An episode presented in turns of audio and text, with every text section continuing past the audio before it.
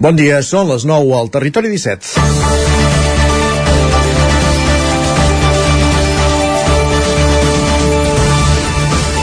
Pere Aragonès ha resolt durant el cap de setmana la crisi de govern derivada de la sortida de Junts de l'executiu després que el 55,7% de la militància votés per aquesta opció davant del 42,3% que optava per quedar-se. Esquerra intentarà ara continuar la legislatura en solitari i amb un govern on incorpora quatre consellers del partit, Natàlia Mas Economia, Manel Balcells a Salut, Juli Fernández a, ter a Territori i Meritxell Serreta Exteriors i tres més que havien fet carrera en altres formacions, de les quals ja fa anys que estan donats de baixa. Joaquim Nadal, conseller d'Universitats, és l'històric alcalde de Girona i conseller del tripartit pel PSC.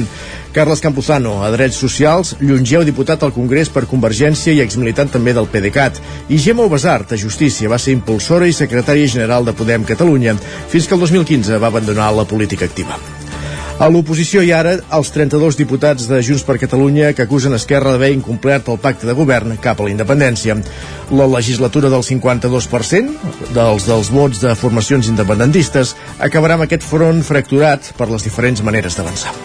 Mentrestant, el govern haurà de fer front a una situació compromesa socialment i econòmica a causa dels preus de l'energia i la inflació.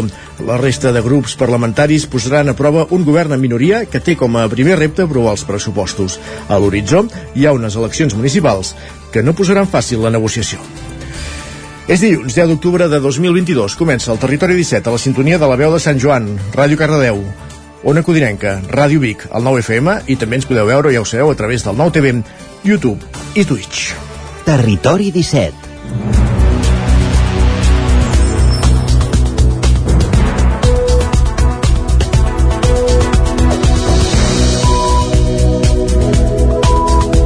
Dos minuts clavats que passen de les 9 del matí arrenca un nou Territori 17, avui dilluns, 10 d'octubre de 2022. Fins a dos quarts de 10 en aquesta primera mitja hora els posarem al dia de l'actualitat de les nostres comarques, un dilluns, per tant, l'actualitat del cap de setmana que no ha estat pas poca.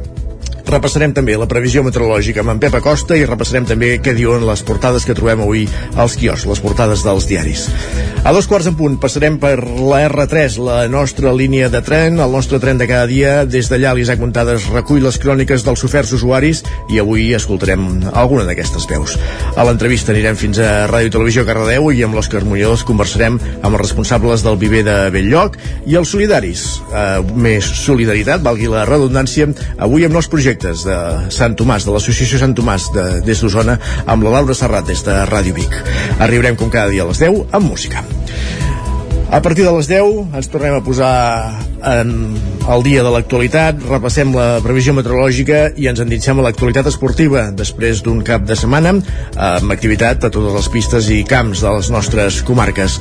Ens visitaran Guillem Sánchez a partir de dos quarts d'onze a l'hora Sánchez, repassant els tuits, el més destacat que trobem a la xarxa i acabarem el programa com cada dilluns amb la tertúlia esportiva després d'aquesta ajustada victòria del Barça i davant el Celta en un partit on no va deixar la millor imatge, una altra victòria del Madrid, de tot plegaret, de un empat de l'Espanyol, de tot plegat en parlarem a partir de dos quarts d'onze a la tertúlia i per acabar el programa d'avui, que ara comença, com dèiem, posant-nos al dia de l'actualitat de les nostres comarques.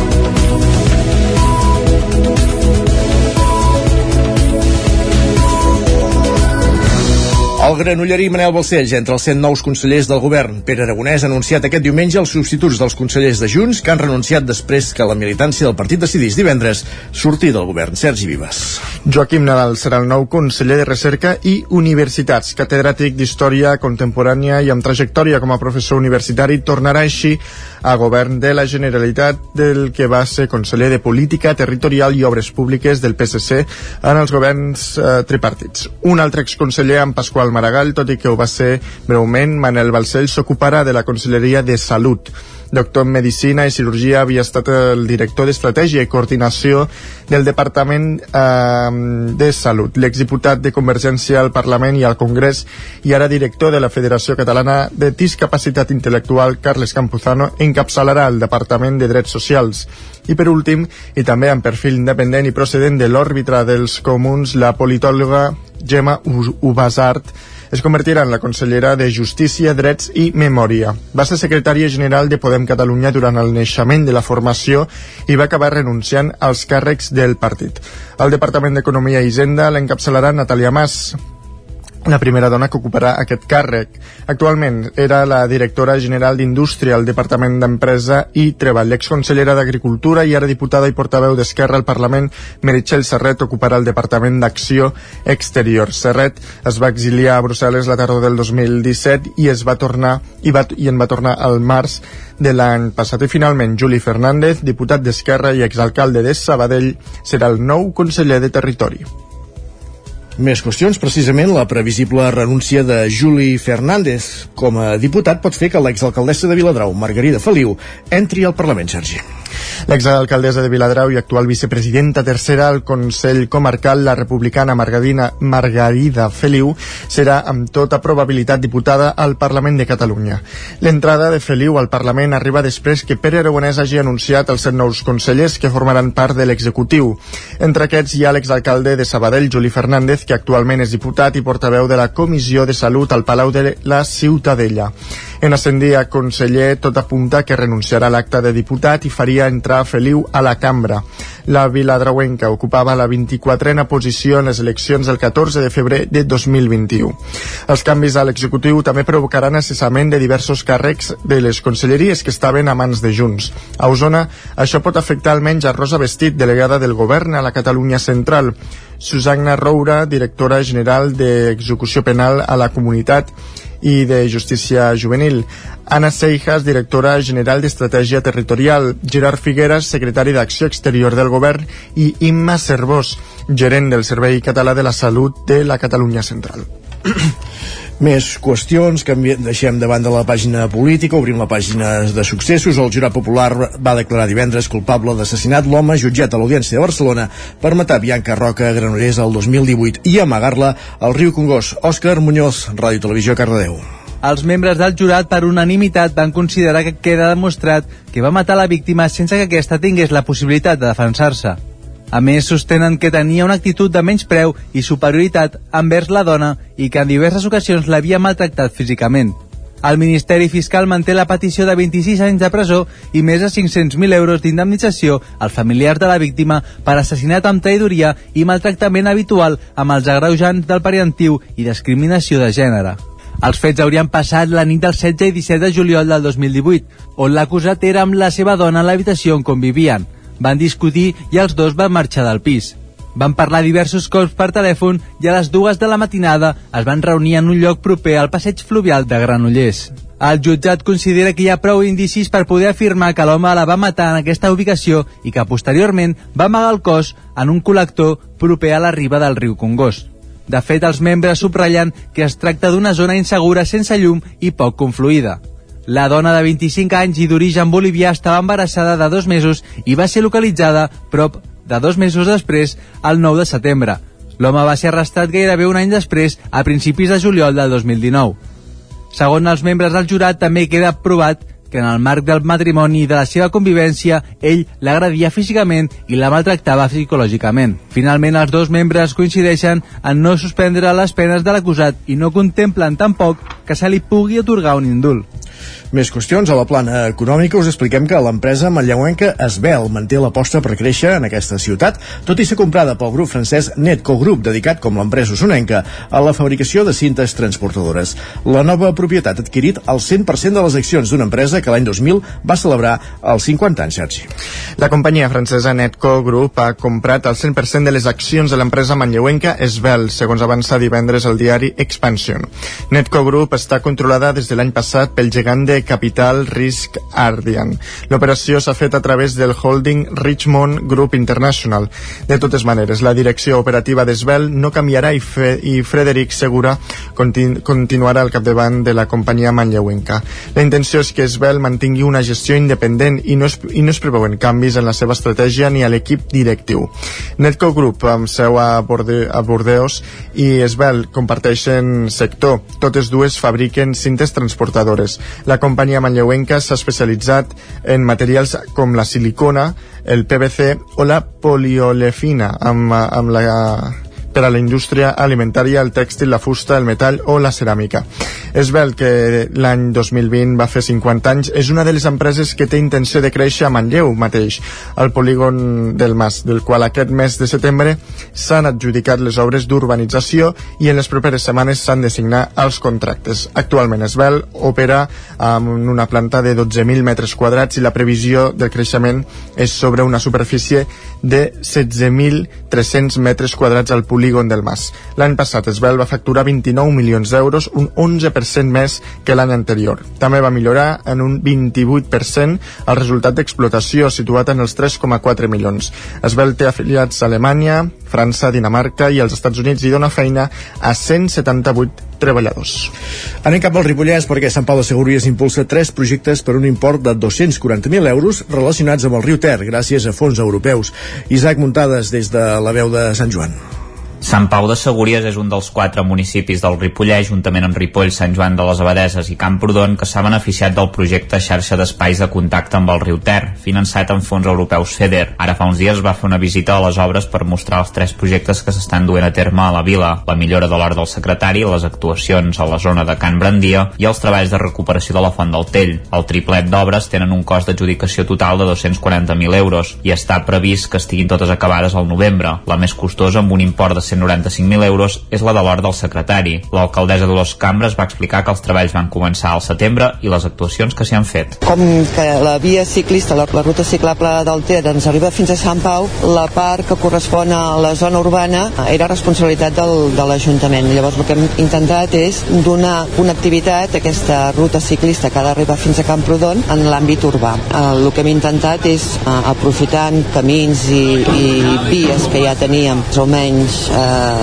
no ben bé adequades, d'aquí ve l'adequació, resseguint el riu Ter, pues, eh, fer aquesta adequació per fer-la més sostenible i transitable, amb total garantia i, i seguretat. L'itinerari també es connecta amb la central hidroelèctrica del Mariner, el mirador i el camí d'accés a la zona de bany coneguda com la platgeta. En aquest espai també s'hi farà una zona verda amb una àrea de calistènia, un espai per a jocs infantils, una àrea de pícnic i uns lavabos públics. El president del Consell Comarcal, Joaquim Colomer, va remarcar la importància de l'adequació d'aquest espai. En aquest cas, per exemple, on estem avui aquí, amb aquest paviment, doncs ens comentava l'alcaldessa un lloc molt accessible, per exemple, per persones doncs, que tenen alguna minusvalia, alguna discapacitat, alguna dificultat en caminar i que per tant doncs, també és un col·lectiu doncs, que hem de tindre en compte i per tant hi han d'haver espais així eh, que tinguin una facilitat doncs, perquè puguin transitar i puguin fer. La segona actuació, amb un cost de 29.000 euros, consisteix en la millora del camí d'ús públic que travessa la finca central de Can Brandia. L'espai es troba en un camí a mà esquerra just abans d'arribar a l'entrada sud del municipi. Amb l'actuació també es vol donar a conèixer el pou de glaç de l'espai, que molta gent no sabia ni que existia, i uns antics estreps del pont del Callís, que mai es van acabar de construir. L'última actuació és la restauració de la Font del Tell per 16.000 euros, situada al marge dret del rec de Coll Salarsa, a uns 100 metres del Ter. L'Ajuntament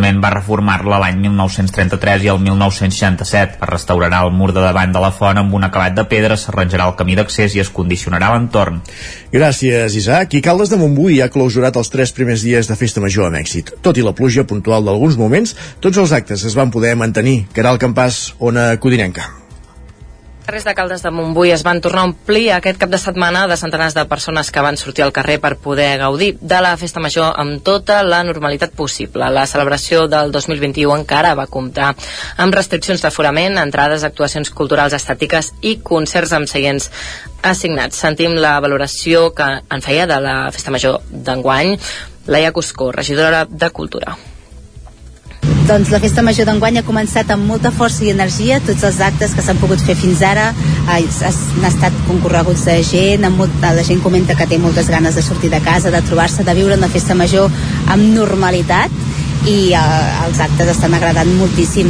Amb moltíssima afluència de gent. Estem omplint tots els actes més amb més gent del que ens esperàvem perquè realment estem intentant consolidar un, uns espais i es, sembla ser que tot està funcionant molt bé que la gent s'hi a gust.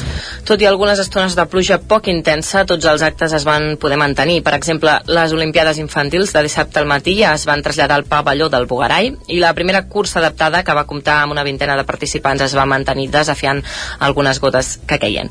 Aquesta festa major es va desenvolupar en dos nous espais, el Parc de Can Rius i la plaça del Lleó, consolidant una dinàmica iniciada per les facilitats que aportava a l'hora de controlar l'aforament per les restriccions pandèmiques. L'embalat del parc i l'escenari de la plaça van acollir les actuacions de Xiula, Miqui Puig i Every Night entre d'altres. La programació segueix avui, demà i dimecres amb activitats com l'Octoberfest o la Diada Castellera. Gràcies, Caral. Més qüestions. Aquest diumenge ha tornat un dels esdeveniments més esperats de la temporada i en producte estrella, un dels productes estrelles més buscats d'aquests dies, la Fira del Bolet de Ceba. Sergi Vives. Tot i que la sequera ha marcat l'inici de la temporada boletaires, Ceba ha viscut la 24a edició de la Fira del Bolet mel, mel molt concorreguda. La fira ha comptat amb una cinquantena de parades de productes de, de proximitat i de bolets. Això ho explicava Pol Barnils, primer tinent d'alcalde de l'Ajuntament de Ceba. És una gran festa del poble que encarem amb molta il·lusió és una festa on podem trobar absolutament de tot, on, on tant el comerç local com, el, com la restauració, com els petits talleristes locals doncs, s'involucren. Podem trobar un total de 53 parades de tot tipus, des de parades culinàries, eh, parades d'artesania, parades de joia, eh, parades de castanyes, eh, parades de forns de pa, eh, embotits, etc. no? El programa ha mantingut la línia dels últims anys i ha tornat a conjugar el vessant més comercial amb el lúdic i festiu. No hi va faltar la demostració de cuina amb bolets, una xerrada sobre bolets comestibles, tallers d'animació per la canalla, gegants o mostra de vehicles clàssics, però també la tradicional sortida guiada i el concurs de bolets. I també aquest cap de setmana ha tingut lloc la cinquena edició del Coll Cabra Viu amb una cinquantena de propostes vinculades amb la cultura, gastronomia, esport i cultura. Aquest projecte ha arribat sense limitacions ni restriccions amb algunes novetats envers els últims anys. Aquest cap de setmana s'ha celebrat la cinquena edició del Collsacabra Viu amb una, una gran diversitat de propostes amb la música, la gastronomia, la cultura, la natura i l'esport repartides per tots els municipis de l'Esquirol, Rupit i Tabartet. Aquesta edició ha celebrat eh, els 20 anys de la Fira del Llibre de Muntanya, considerada l'embrió de l'actual Collsacabra. Escoltem a l'alcalde Albert Marce. Aquesta és la cinquena edició d'una renovada Fira del Llibre de Muntanya, que com bé sabeu és, aquesta fira va migrar cap a Vic i després nosaltres aquí al Collsecar vam quedar com orfes i vam haver de reformular la situació i el que vam creure més oportú era d'oferir tot aquest producte en una època molt bonica al Collsecabra, que és de la tardor, i que el públic de comarca i gent de fora de la comarca doncs, pugui venir i gaudir de, de, del que és eh, la tardor al Collsecabra.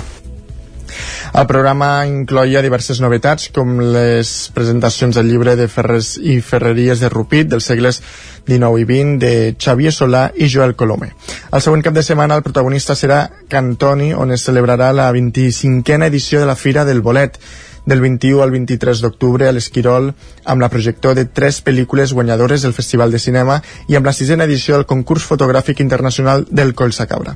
Finalment, conclourà l'últim cap de setmana a Tabartet amb la ruta del Raymond Panicar que recorrerà recorrerà diferents indrets del poble a través de les frases del pensador. Així ens ho explica Albert Mercè, alcalde de Rupit i Pruit. Sempre tenim coses molt, molt recurrents, però sí que hi ha novetats com és la, una, la presentació de la caminada d'en Pànic a Tabertet, i després hi ha una col·laboració amb la Fira de Muntanya, del cinema de muntanya de, de Torelló, que es projecten algunes pel·lícules a, a l'Esquirol, al cap de setmana de l'Esquirol. Tot i la pandèmia, el Colsacabra s'ha mantingut sempre adaptant-se a les restriccions establertes. Aquest any torna amb una programació més completa que mai sense limitacions. El programa no renuncia a continuar reflexionant sobre el futur del poble. És per això que donarà continuïtat al procés de participació ciutadana engegat l'any passat per debatre sobre el futur del territori amb debats i vermuts per començar a definir les primeres accions a emprendre. Doncs fins aquí aquest repàs informatiu que començava amb el punt de les 9 en companyia de Sergi Vives, Isaac Muntades, Caral Campàs i Òscar Muñoz. Moment tot seguit de conèixer la previsió del temps.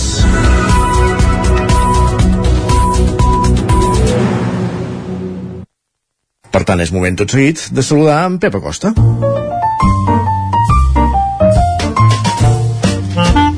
Casa Terradellos us ofereix el temps. Pep, com ha anat el cap de setmana? Bon dia. Hola, molt bon dia. Per fi som dilluns, per fi comença una nova setmana, ja estem aquí a l'espai del temps, Uh, primer de tot, una petita mirada al passat, una petita mirada al cap de setmana, que segur que encertem amb, la, amb el que ha passat.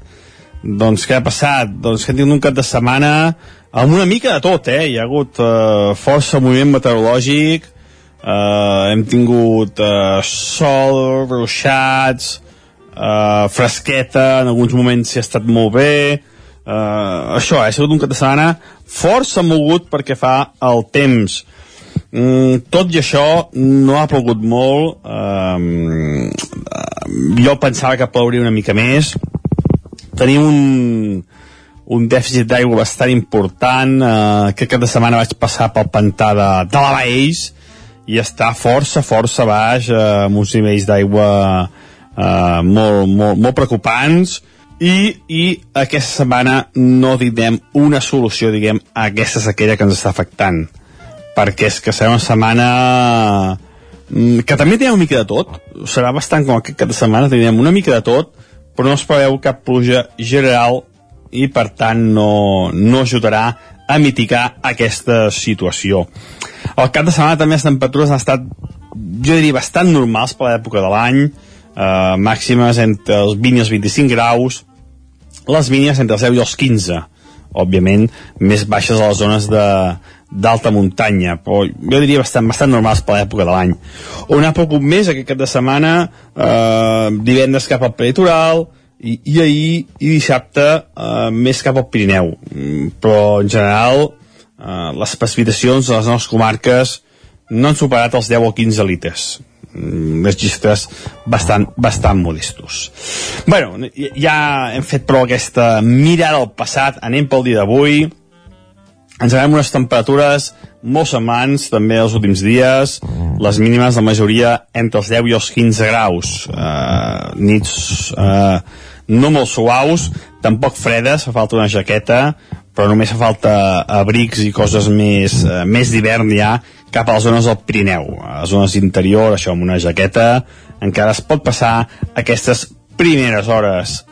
Uh, avui un dia amb bastanta nuvolositat, Uh, també amb, amb, amb hores de sol no serà un dia ni de, ni de bon tros passat per aigua però sí que bastants, bastants núvols um, de cara a la tarda de cara a migdia hi pot haver uh, un increment de núvols i fins i tot quatre gotes quatre gotes a quines zones?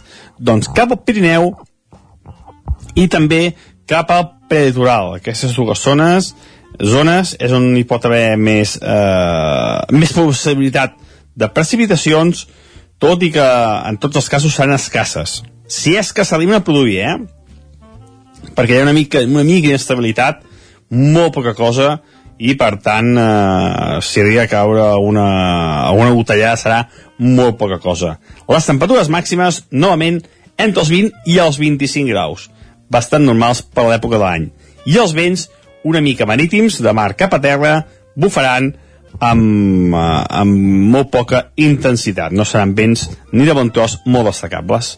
I això és tot, a disfrutar aquest dilluns, i demà dimarts ja farem una predicció una mica més de tota la setmana, aviam què ens espera tots aquests dies. Moltes gràcies, adeu. Entesos, parlem d'aquí una estona totes maneres, per això, Pep. Gràcies, avancem al territori 17, anem cap al quiosc. Casa Tarradellas us ha ofert aquest espai. Moment de saber què diuen avui els diaris a les seves portades. Per on comencem, Sergi? Doncs com que és dilluns eh, tenim les portades del 9-9, comencem per casa. Doncs va. Comencem a Osona perquè, uh, i el 9-9 destaca, uh, tal com dèiem a l'informatiu, que el grup francès Netco Group compra l'empresa manlleuenca Esbelt. I, I això també ho fan amb una fotografia uh, d'aquesta inauguració de la Biblioteca Pilarenc Vallès que es va dur a terme aquí a Vic la fotografia que presideix la, la portada. Perfecte. Exactament. On també hi apareix, alerta, eh? En Ballarín Fill, que és el cementari de la Vallfogona, de Ripollès, que acumula més premis als concursos de, de raça bruna. A la part baixa de la portada. Anem a parlar del Vallès Oriental, va. Doncs aquí destaquen que el granollerí Manel Balcells és nou conseller de Salut del govern en minoria d'Esquerra, també ho dèiem, eh?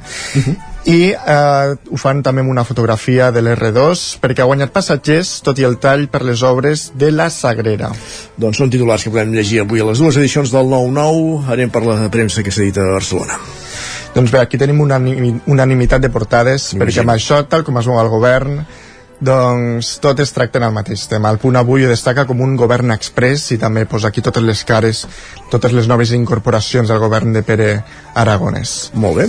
El periòdico eh, destaca que Aragonès fitxa exdirigents del, de Convergència, del PSC i Podem i també ho fa amb una fotografia d'Ucraïna amb aquesta resposta que ha fet Putin a, a l'explosió que va fer Zelensky del pont, pont. de Crimea. Uh -huh.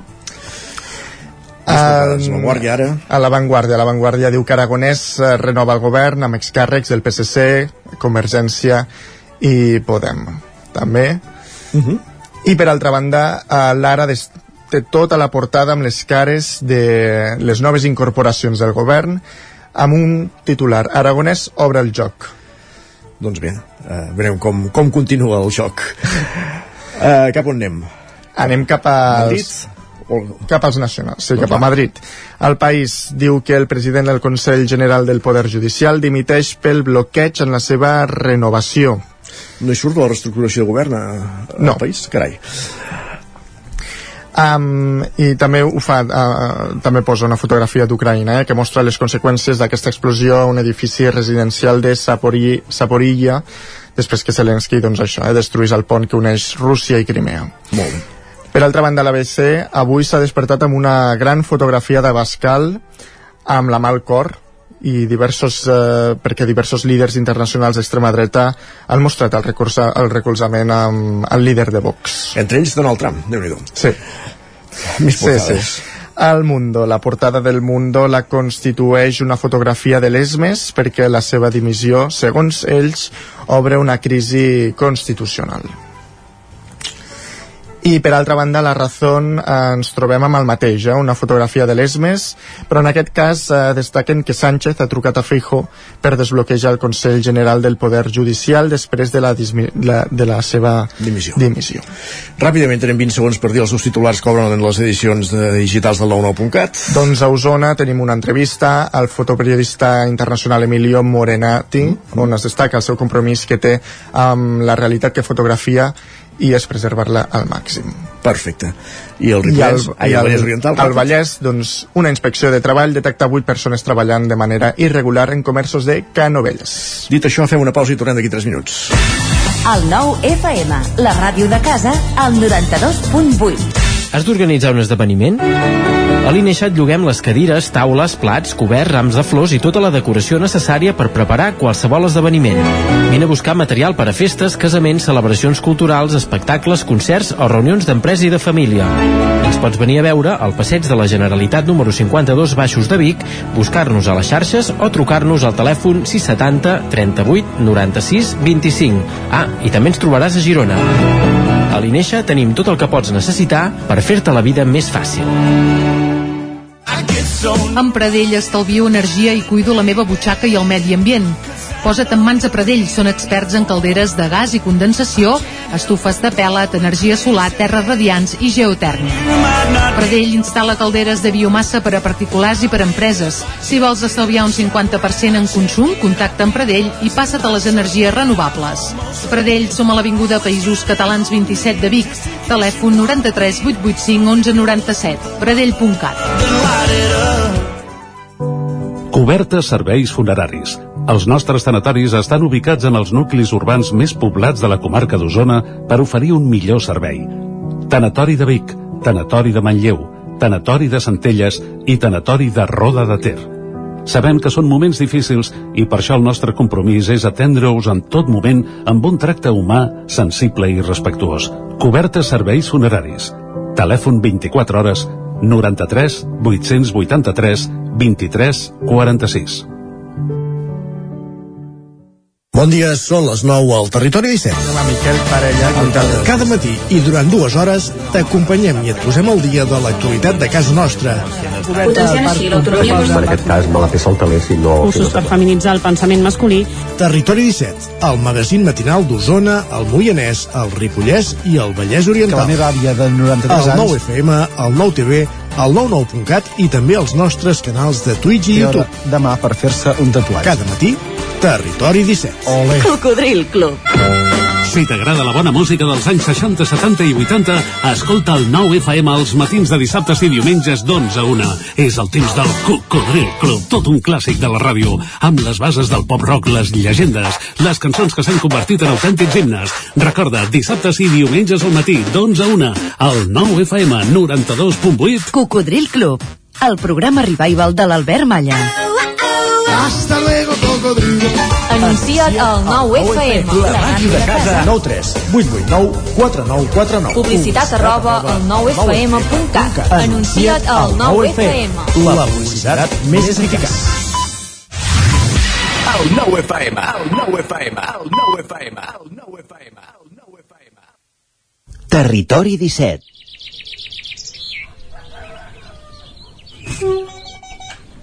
A Tren d'Alba. Cada dia els usuaris i usuàries de la línia R3 de Rodalies que veuen sortir el sol des d'un vagó ens expliquen les gràcies i les penes del primer comboi que uneix Ripoll i Barcelona o les feixugues jornades amb el tren després de treballar.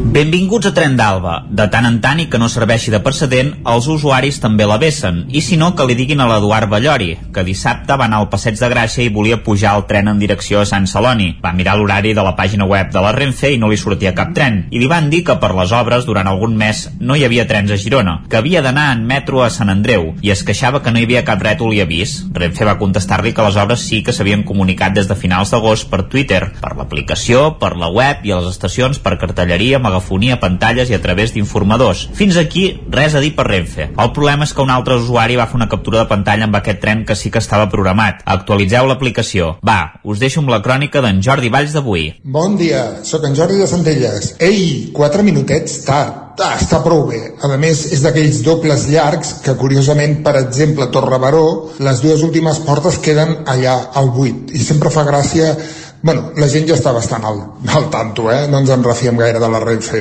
Res, molt tranquil·let. Va, la setmana passada sí que va ser aventura, aventura. Se m'acudeix agafar un tren, el de tres quarts de nou del vespre, a Sagrera, que al final va passar a les 9 i 10, anava molt ple, era curt i mala sort que em toca la porta al davant d'aquelles pels cotxets i tot això. Hi havia tres cotxets, bicicletes, patinets, faltava una orquestra. Arribem a Torrebaró, s'obre la porta i entra una família, bueno, entra, intenta entrar una família amb cotxet, maletes, tres canalles, pare i mare. Hòstia, on ens fotem, on ens fotem, on ens fotem? Solució, vam acabar cinc viatjant de Torre Baró fins a Mollet al lavabo.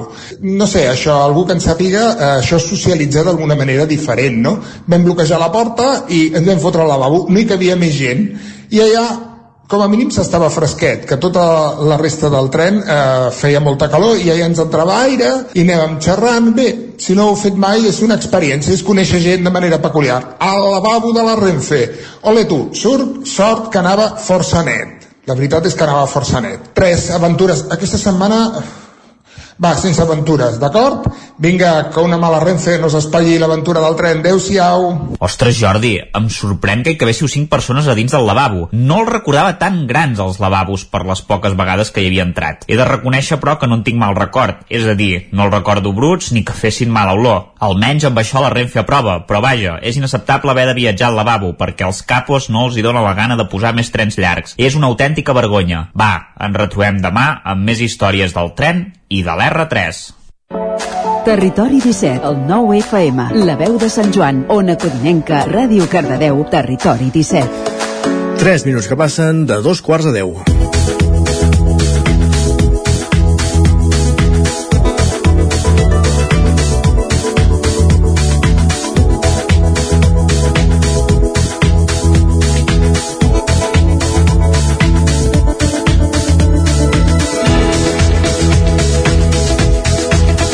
Enguany, l'entitat Viver de Belllloc, que va néixer a Cardedeu, celebra el seu 40è aniversari, aviat és dit, oferint serveis transversals a les persones amb discapacitat intel·lectual i o trastorn de salut mental i fent una gran aposta per la formació i la preparació per la inserció laboral.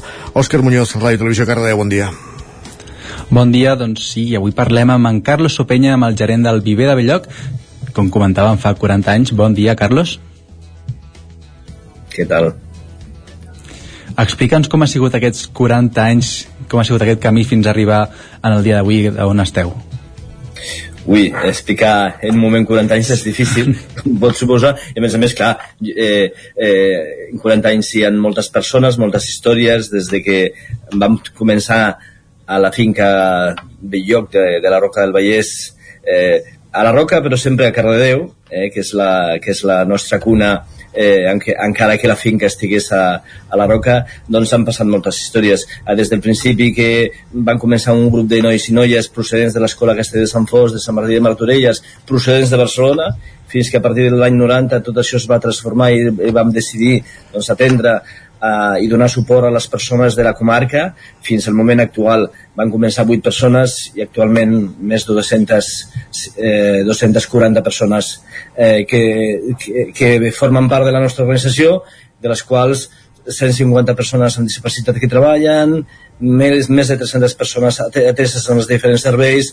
bueno, realment hi ha, hi ha moltes, sobretot hi ha moltes persones, projectes de vida de persones, que és el que nosaltres volem, volem ajudar a fer, projectes de vida de persones que tenen alguna dificultat però que amb, el, amb, els, amb els suports necessaris doncs, eh, poden fer una vida normalitzada com qualsevol altra persona com ha canviat, eh, com s'ha transformat l'entitat en els darrers en aquests 40 anys i una cosa més important, suposo, Carlos, no només l'entitat, sinó tot el que és el món de l'atenció a les persones discapacitades, perquè ha evolucionat molt, no?, al llarg d'aquestes quatre dècades.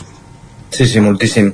Clar, inicialment, clar, als anys 80, eh, 70, 80, l'atenció de les persones amb discapacitat provenia d'una tradició més eh, eh, de d'acció social però una mica de la, de la beneficència. Sortíem de, de, del franquisme i amb aquelles eh, en, enquestes i, i recaptacions del dia de la discapacitat eh, fins al, tot això ha anat a evolucionar.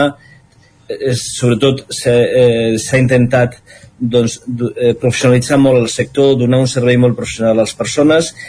Per, eh, aquest, aquests serveis primer eren serveis als que les persones s'havien d'adaptar i actualment estem en un paradigma totalment diferent que és que les, cada persona té el seu projecte de vida i han de ser les entitats que ens adaptem a lo que necessiten les persones. És el que sempre diem, la planificació centrada a la persona, l'atenció centrada a la persona, que la persona sigui, sigui, sempre sigui el projecte del que vol fer a la vida com fem qualsevol altre, altra ciutadà. Mm -hmm. Ara es comentaves aquestes claus, eh, també, però quines ha sigut eh, altres claus per continuar sent referents en el sector social d'aquí del territori? Doncs, bueno, nosaltres sobretot hem intentat eh, fer les coses bé i, i a poc a poc anar oferint un, un grup de, de serveis que s'adaptessin a totes les necessitats de les persones. Nosaltres inicialment van, van començar van començar eh, sent eh, una entitat referent en la inserció laboral i que és el que vam voler fer des d'un principi, eh, eh, sobretot atenent a persones amb, amb discapacitats però que poguessin accedir al món laboral, laboral.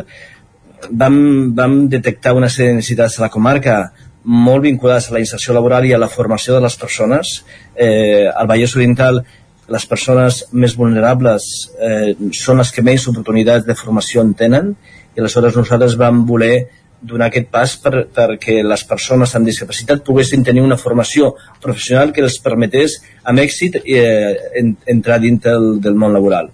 I això és el que hem, hem seguit. I a partir d'aquí doncs, tots aquells serveis que, o sigui, que, les, que les persones necessiten per poder tenir un projecte de vida complet des de l'habitatge, el lleure aquelles persones que després no poden treballar doncs, que puguin tenir un servei de dia on puguin estar doncs, tot, tota la possibilitat de tenir bones relacions interpersonal, poder participar en, en les activitats de la vida diària eh, en, en temes d'esport, en temes de lleure, en temes de vacances, eh, bueno, al final tot un conjunt de qüestions importants. I per últim, des de l'any 2018, doncs, eh, la, eh, aquell pas que, que vam fer, que és eh, tenir un, poder oferir un servei que permetés també a les persones amb discapacitat no només treballant en els nostres llocs de treball que tenim dintre de la, de la pròpia entitat, sinó que poguessin accedir al mercat de, de treball ordinari, que amb això jo creiem que ha estat un pas importantíssim i de molt èxit i que, bueno, i que complementa al final allò que to, totes aquelles opcions que necessita la persona. Uh. -huh. Actualment quants treballadors té el, el, el, hi ha la plantilla del Viver de Belllloc? Eh, nosaltres eh, eh, eh, parlem del grup Viver de Belloc, de la, perquè som dues fundacions, la Fundació Viver de Belloc i la Fundació Lluís Sauller, però treballem al final conjuntament per les mateixes persones, pràcticament són les mateixes persones que són ateses en un lloc i l'altre, i al final la plantilla, actualment la plantilla són unes 245 persones, eh, de les quals, això, el que comentava abans, més de 150 són persones amb discapacitat. I aleshores aquí estan tots els professionals també dels serveis assistencials, els serveis residencials i d'habitatge, de lleure, serveis de dia, de dia tota, i, i tota l'estructura d'atenció i de gestió de, la, de, la, de les fundacions. Hem parlat del, del passat, d'aquests 40 anys. Quin és el futur que espera per la, per la Fundació Lluís Auller o també pel Viver de Belllloc? Doncs bueno, eh, durant els últims anys nosaltres hem fet un esforç important per generar nous serveis d'acord amb unes necessitats detectades. Tenim pendent la posada en marxa eh, una llar residència que és la casa de la, de la, de la Lluís Uller, que és, sabeu que estan allà els dominics, que estem, esperem que, que aquest any o com a màxim al principis de l'any que ve es pugui eh, posar en marxa perquè hi ha una necessitat importantíssima de, de persones que estan demandant servei, eh, places de residencials, tenim un servei ocupacional que també el volem posar en marxa, tenim un nou projecte per a aquelles persones amb problemes de salut mental que quan han, tenit, han tingut un període de crisi per reincorporar-se, eh, volen reincorporar-se al món laboral, que són serveis prelaborals, que tenim un projecte per desenvolupar um, a la Garriga, que és en un local de la Garriga, doncs hi ha, hi ha diferents projectes, sobretot nosaltres el que anem fent és detectar quines necessitats te, tenim les persones i, i què fer per, per poder cobrir-les. Però no només sols nosaltres, sinó conjuntament amb les altres entitats de la comarca, que per, també per nosaltres és importantíssim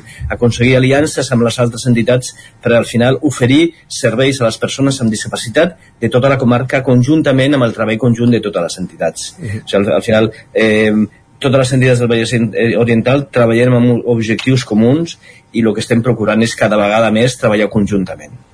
Estem parlant amb Carlos Sompenya, el gerent del Viver de, de Belllloc. Avui és el 10 d'octubre, Dia Mundial de la Salut Mental. No sé si participeu en algun dels actes o promoveu algun dels actes commemoratius de, de la jornada eh, aquí al Vallès Oriental. Sí, sí, bueno, és, nosaltres des de fa temps estem treballant, és, som membres de la taula de salut mental del, de Granollers on participen les entitats representatives i que treballem per la, per la integració social i laboral de les persones amb problemes de salut mental. I eh, participem, so, bueno, eh, som copartíceps de totes les activitats que s'organitzen, amb l'Ajuntament de Cardedeu també eh, col·laborem amb la campanya que està fent d'una forma molt encertada el propi Ajuntament de Cardedeu i els diferents actes de la taula com són és la caminada el dia 16, la caminada que hi ha posteriorment també de l'associació El Far de la Garriga, eh, bueno, la, la caminada del dia 16 s'organitza per la taula a, la, a Granollers, i, bueno, i som partícips de totes les activitats que es fan, perquè formem part de la taula i de les comissions de, que, han, que, han, que han participat en l'organització de, totes, de totes les activitats.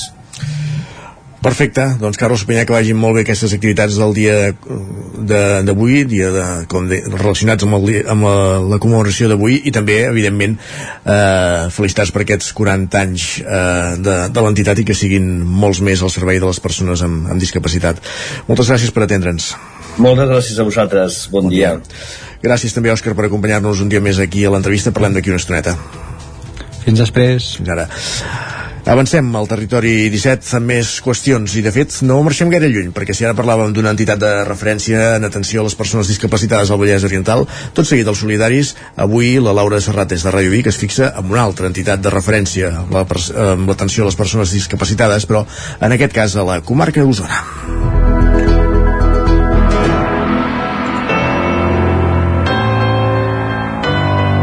Territori, Territori 17. 17. Territori 17.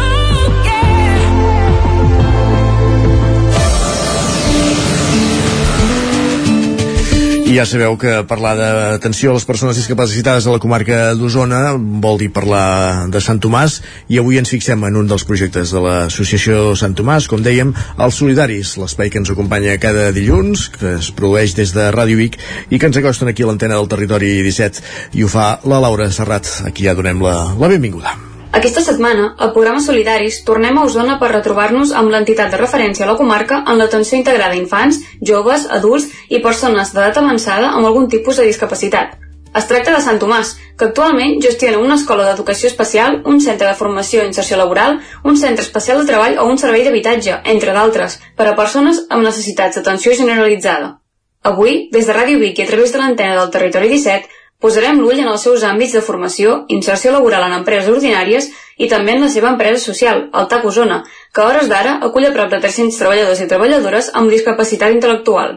Ens n'explicaran tots els detalls els màxims responsables d'aquests àmbits, Ricard Gorgals, director de l'àrea d'empresa social, i Anna Gutiérrez, directora del Centre d'Inserció i Formació Laboral EINA. Corcals ens explica que els mesos de pandèmia no han estat senzills. Ha estat una sortida difícil i progressiva, però aquest 2022 ja han recuperat bastanta feina en els seus serveis. A més, tenen diversos projectes engrescadors en marxa i, sobretot, tenen ganes de normalitat. A nivell administratiu, l'entitat no ho ha tingut fàcil. Bueno, nosaltres, en el nostre cas, a la pandèmia vam tenir de fer un ERTO, diguem, al principi hi havia molta gent i mica en mica vam poder anar alliberant, va ser complicat tots aquells mesos perquè els contractes amb l'administració es, van, es van parar, tots els usuaris, tots els treballadors val, el que, el que volen és tenir feina i tenir el seu sou al final de mes. Tothom vol tenir una certa normalitat a la vida, no? I la feina és el que ens estructura. El que sí també que, bueno, com de tot arreu també, no?, es van prendre una sèrie de mesures, de, per exemple, tema dels cursos de formació, d'estar estar doncs, separats i amb les mascaretes i realment tothom, clar, molt conscienciat, molt col·laborador eh, en aquest sentit. Expliquen que els usuaris van viure el confinament en tres vals. L'aturada de l'activitat social o les seves activitats esportives va ser sobtada per tothom, però mica en mica es van poder acostumar a la nova normalitat. En aquest procés hi van tenir un paper clau els treballadors, que van fer una gran tasca. Bueno, aquí també han passat diverses fases. Eh? La, la, la fase de la pandèmia va ser molt dur, perquè bueno, els que, la gent que va poder treballar des de casa des de casa, alguns no van poder treballar, havien d'esperar de, de, que la situació es normalitzés i vam tinguer, diguem, un retent fent feines, sobretot les feines de neteja i desinfecció, del recordo especialment, que la gent es va esforçar moltíssim en poder continuar prestant aquesta feina. Eh? Quan és un moment que tot, tot representava que estava contaminat, doncs nosaltres vam seguir prestant aquest servei i, i, i tenint els clients. És la, és la feina que recordo i llavors també hi havia feines de triatge, la triatge del que és la bossa blava i el, el que és el contenidor blau, que també es van parar, però es van parar poques setmanes i de seguida es van continuar fent, és que era un lloc també amb una certa contaminació ambiental. Eh? Vull dir que també estem molt agraïts a totes les persones que en aquells moments van, van continuar la seva feina amb la màxima professionalitat. Gurgals i Gutiérrez ens nombren algunes de les principals dificultats de les seves àrees de l'entitat avui dia, marcades sobretot pels salaris i pel finançament. Defensar el teu lloc de treball eh, com qualsevol persona i, i tirar endavant. A nivell laboral és, és aquest, és aquest el repte. També hi ha tot un tema de, de salaris, que el salari mínim els últims anys doncs, ha augmentat i ara diguem s'ha situat a un llindar més alt Eh, això també fa que les persones que accedeixen al mercat laboral s'han de guanyar aquest salari, que abans era més baix, doncs ara és, és més alt, i potser continuarà pujant, segons diuen, diguem, si ens volem anar semblant a Europa. El, el mínim és el que ha marcat l'administració d'alguna manera. Ho veig correcte i que es vagi apretant per sota. El que passa que el, els centres especials de treball de Catalunya esclar, han de ser capaços de, del que facturen i les ajudes que tenen poder seguir aquest ritme, d'anar pagant aquests sous s'estan adaptant ja més en línia europea. Mira, des del servei Eina eh, potser hi han dos reptes que són diaris, que és una, doncs això, no? poder trobar llocs de treball doncs, adequats i poder fer tot aquest suport a no, la inserció que fem nosaltres al nivell d'empreses. I l'altre també és el poder, doncs, mm, per poder prestar aquest servei i, a més a més, prestar, doncs, tot el que són els itineraris formatius que nosaltres oferim, de rebre subvencions o de, no, de poder-nos presentar projectes que ens els aprovin per poder anar tirant endavant doncs, la nostra feina. Conversant sobre la consciència de la seva tasca a la comarca, Gorgals assegura que n'hi ha, sobretot gràcies a les nombroses empreses i ajuntaments que col·laboren amb la seva causa, però que, així i tot, de consciència mai n'hi ha prou. De reticències no se n'han trobat, ho defineixen més aviat com a problemes. Més que reticències hi, hi ha problemes per, per dir alguna cosa. Doncs quan, quan, per exemple, ens convé d'alguna manera, perquè hi ha una llista d'espera molt gran, que persones tinguin d'accedir a l'habitatge, per exemple, una llar residència, nosaltres tenim una llar residència construïda fa temps i que encara no, no està, diguem, no està ocupada perquè falten una sèrie de tràmits de l'administració. Llavors, coses així sí que et trobes, que no sé si són reticències o són els propis tràmits burocràtics que té la societat que vivim. Llavors això fa que les coses siguin més lentes. És dir, en general, domina la, la sensibilització i l'acolliment i inclusió, eh? Vull dir, cada vegada més. Vull dir, cada vegada aquestes persones estan bueno, més normalitzades, no?, dintre els seus àmbits doncs, de, de, on viuen, no? A la consciència de la societat hi suma les diverses iniciatives de l'entitat, com les seves patates fregides, que ajuden a difondre la seva activitat. Que cada vegada més, si som capaços de, de, de difondre eh, la, tota la, la feina que es fa a Sant Tomàs i la feina que es fa a nivell d'economia social, això ja és un pas important. Per exemple, al, al nostre cas, ara recentment, hem tret un, un producte propi, que són les patates xips Sant Tomàs, eh, patates fregides, que justament es diuen Sant... haguéssim pogut posar una altra marca, però no hem volgut posar una altra marca, sinó que hem posat Sant Tomàs perquè aquestes patates ens han d'ajudar a difondre tota l'activitat que fa l'entitat. D'alguna manera, que com abans, doncs fa molts anys, molts anys, potser les, les coses no estaven aflorades o estaven com amagades sota l'alfombra, al contrari, ara es puguin normalitzar i puguin ser partíceps totalment de la societat. Aquests projectes en marxa també suposen una important font d'ingressos i són una de les bases econòmiques per mantenir l'activitat de Sant Tomàs en marxa. Un dels serveis poc reconeguts és el treball amb suport i Gutiérrez ens n'explica tots els detalls. Bueno, aquest sempre és un tema, un tema complicat. És dir, nosaltres, en cas de centre especial de treball, el principal ingrés és la facturació dels serveis que prestem, però llavors també hi ha un altre ingrés molt important, que és ajudes, les ajudes que tenim de l'administració, especialment la Generalitat, el Departament de Treball, que és una ajuda, diguem, que reben els centres especials de treball, eh, diguem que tenen contactats persones amb, que es diu amb especials dificultats d'inserció. Llavors, eh, a partir d'aquí, organitzativament hem de ser capaços de, de, de, de que això funcioni perquè a final d'any, diguem, el, els resultats finals sigui, sigui verd i no sigui vermell. El servei d'eina sí que, és dir, hi han com dos parts, no?, molt diferenciades. Tot el que són aquests itineraris formatius, aquestes accions formatives que fem, doncs clar, es, es financen sobretot per a, través de la Generalitat, però també hi ha altres entitats com l'ONCE, però sí que cada any has de buscar doncs, els recursos per, per poder finançar aquests cursos. I llavors la part més d'inserció i quan les persones treballen a les empreses, que sempre som un servei que estem al costat de l'empresa i de la persona perquè tot vagi bé, és el que se'n diu treball amb suport. Llavors, el treball amb suport és un servei que no està reconegut cara a nivell de cartera de serveis de la Generalitat i, evidentment, doncs, cada any has d'anar buscant no, els, el finançament doncs, per poder donar el servei. Llavors, bueno, és el que dèiem al començament, que és una de les coses que, que més costa, no? Però, bueno, mira, cada any ens en anem sortint més o menys. els afegeix que si poguessin demanar alguna cosa en termes d'ajuts, es dirigiria als ajuntaments i d'altres institucions públiques. En el nostre cas, jo potser més que l'empresa privada, que ja està col·laborant molt, els ajuntaments també col·laboren, però l'Ajuntament té un instrument molt bo per, per col·laborar, que és, diu, dic l'Ajuntament o una administració pública, eh, que són els contractes reservats. Llavors això són determinats contractes, un percentatge petit però important, un ajuntament pot reservar a centres especials de treball o empreses d'inserció per fer determinats serveis. Això és un instrument que té molt de l'administració, s'està fent servir, es pot fer servir molt més i eh, aquí sí que a vegades, no sé si reticències, però hi ha alguns temes burocràtics que costen, perquè no tothom ho coneix, però vull dir, no sé aquí a Osona, per exemple, els últims anys se n'han fet d'aquests contractes i estan funcionant tots molt bé. Però vull dir, aquest instrument jo sí que el demanaria que es pogués potenciar més. En el cas del Centre Especial de Treball, les primeres pedres de l'entitat van arribar amb els Jocs Olímpics de 1992, any en què es van fer els primers contractes. Gorgals ens explica que en aquell moment segurament no s'esperaven les xifres d'avui dia. En el cas del TAC jo recordo que els primers contractes es van fer l'any 1992, l'any de les Olimpiades, és els primers contractes laborals. Abans no hi havia contractes laborals amb persones amb discapacitat, i sí que hi va haver com 7 o 8 contractes que es van fer de cop. Clar, arribar, diguem, doncs, a la xifra que hem tingut ara de treballadors de forma sostinguda, que estem parlant de gairebé 300, no sé si ens ho pensàvem o no, però sí que estem molt satisfets de poder, de poder fer això i de poder-ho continuar fent gràcies a la col·laboració de, de tantes empreses i tants ajuntaments. Eh? Vull dir, és una cosa que sí que comple, que puguis... I, i més a més, ara veus doncs, alguns que ja jubilen, i ja jugués sí. dius, carai, doncs, doncs, ha tingut l'etapa professional, l'ha fet aquí, l'ha fet, doncs, eh, doncs, molt bé.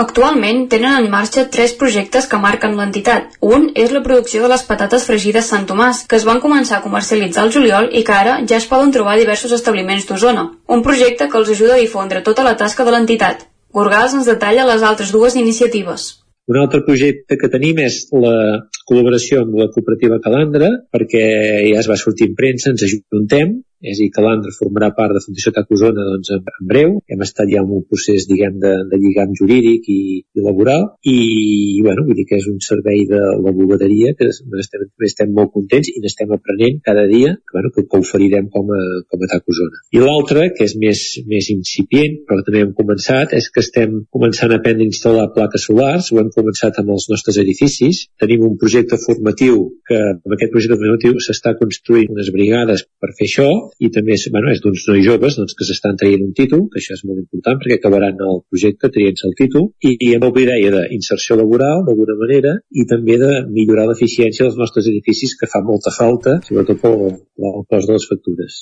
Tots aquests projectes ens remarquen que Sant Tomàs continua apostant per la inserció laboral dels seus usuaris i usuàries i millorar la seva qualitat de vida continua sent la seva missió principal, tot i els mesos de pandèmia i les dificultats. Gràcies, Laura, doncs, per aquest apunt des de Ràdio Vic, avui aprofundint eh, l'activitat de Sant Tomàs, a Osona. Arribarem al punt de les 10, com cada dia aquí al Territori 17, amb música.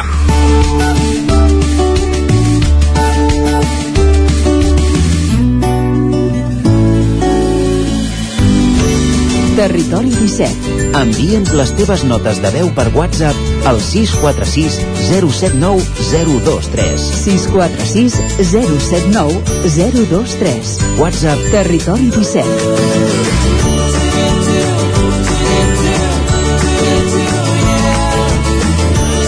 Territori 17. Som a Facebook, Twitter i Instagram amb l'usuari Territori 17.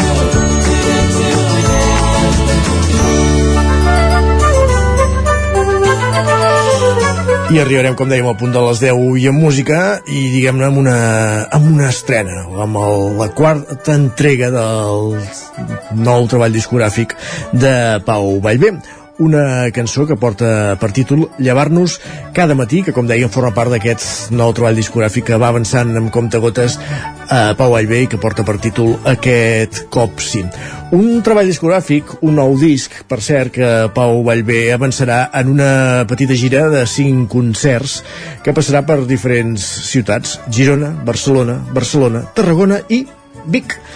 Uh, això serà el dia 2 de desembre, i concretament a la sala gran de l'Atlàntida de Vic. Encara falten dies, de fet aquesta minigira comença el 19 de novembre, falta pràcticament un mes i, i 10 dies perquè comenci la gira, però el que podem anar fent ja és anar escalfant motors amb les cançons d'aquest nou disc de Pau Vallvé. Com dèiem, les va avançant amb comptagotes. Dies enrere ja podíem escoltar una cançó que porta per títol Això ja està més tard el berenar sopar.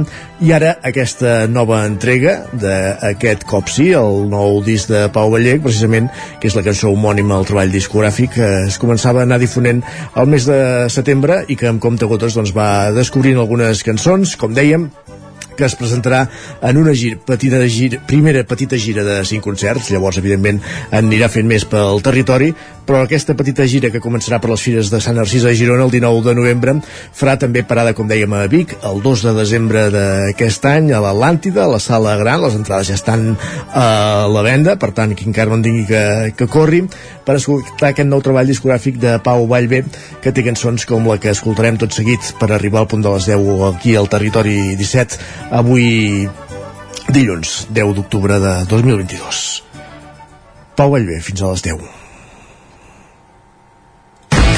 poc a poc. Em va acabant. I anar veient que ens ve algú que en volem més. I al cap d'un temps fer-ho som els amics. Cuidar-nos molt que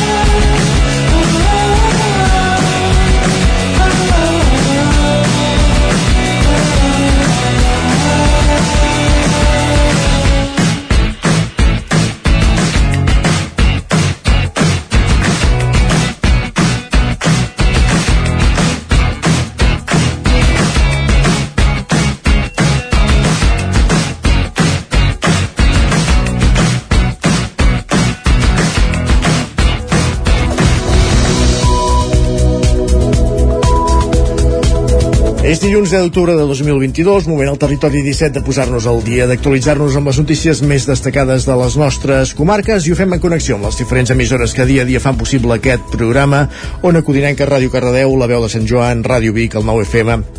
Ens podem veure també a través de Twitch, de YouTube i del 9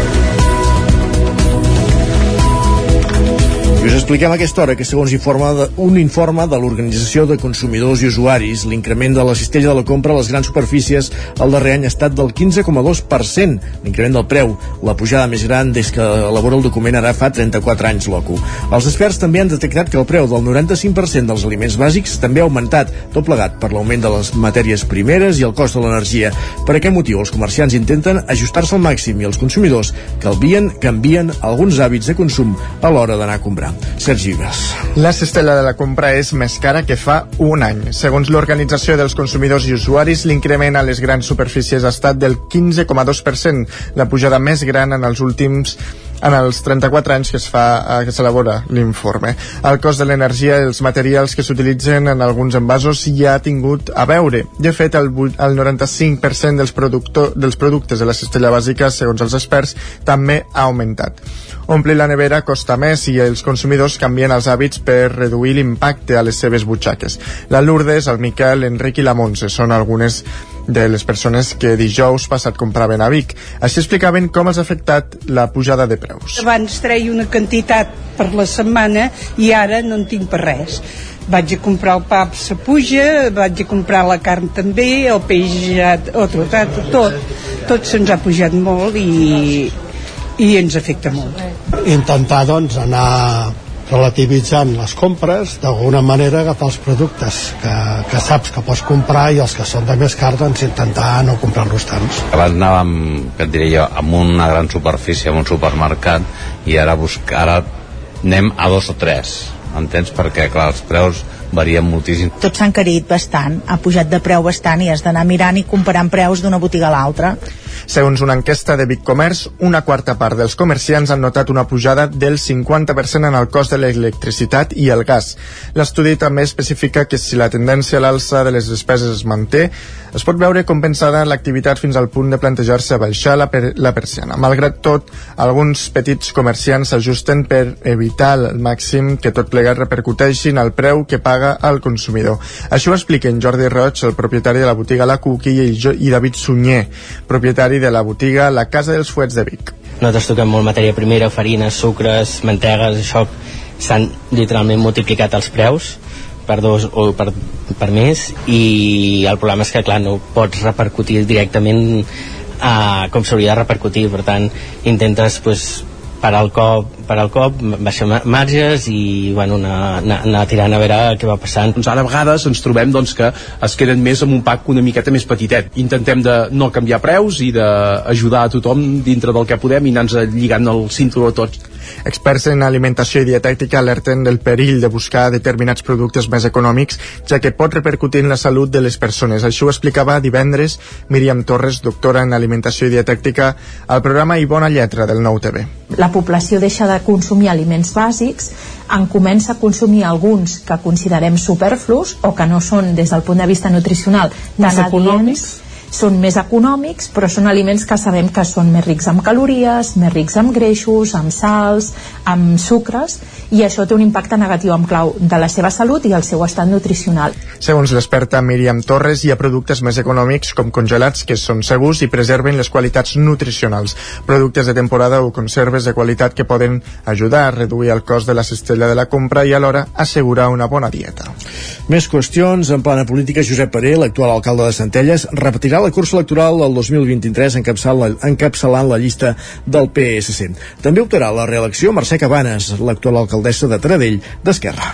L'actual alcalde de Centelles, Josep Paré, del PSC, intentarà revalidar l'alcaldia que va assumir el 2019, amb algunes cares noves a l'equip, però també amb membres de l'actual govern.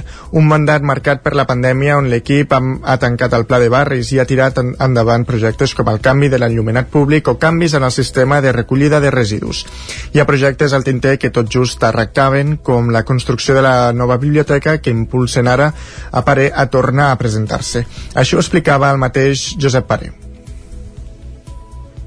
que hem aconseguit una fita molt important que és que parin els semidirectes, que el projecte de desdoblament es, estigui en marxa a l'estudi d'impacte ambiental, per tant hi ha tot el repte de la nova estació, hi ha reptes a tots els àmbits i evidentment doncs, tot el que implica a nivell social i educatiu, de serveis, d'atenció a la persona, és molt més econòmics com és generar eh, solars per habitatges unifamiliars, ampliar el polígon, atreveria a dir que en tots els àmbits que afecten en el municipi hi ha projectes i per tant hi ha moltíssima il·lusió perquè amb l'equip actual i noves persones puguem optar a seguir liderant aquest projecte per Centelles qui també optarà a la reelecció és Mercè Cabanes per Taradell. L'actual alcaldessa repetirà com a candidata independent sota l'aixopluc d'Esquerra. Cabanes ha estat eh, la primera alcaldessa de la història de Taradell i tot i que de moment no s'ha parat no s'ha parlat de la resta de noms que comptaran la seva llista, apunta que serà de continuïtat. Així ho explicava la mateixa Mercè Cabanes. Hem gestionat dos anys de gestió del desastre, que no hem parat, que hem treballat incansablement, però que eh, s'han hagut d'atendre circumstàncies que, que no es preveien.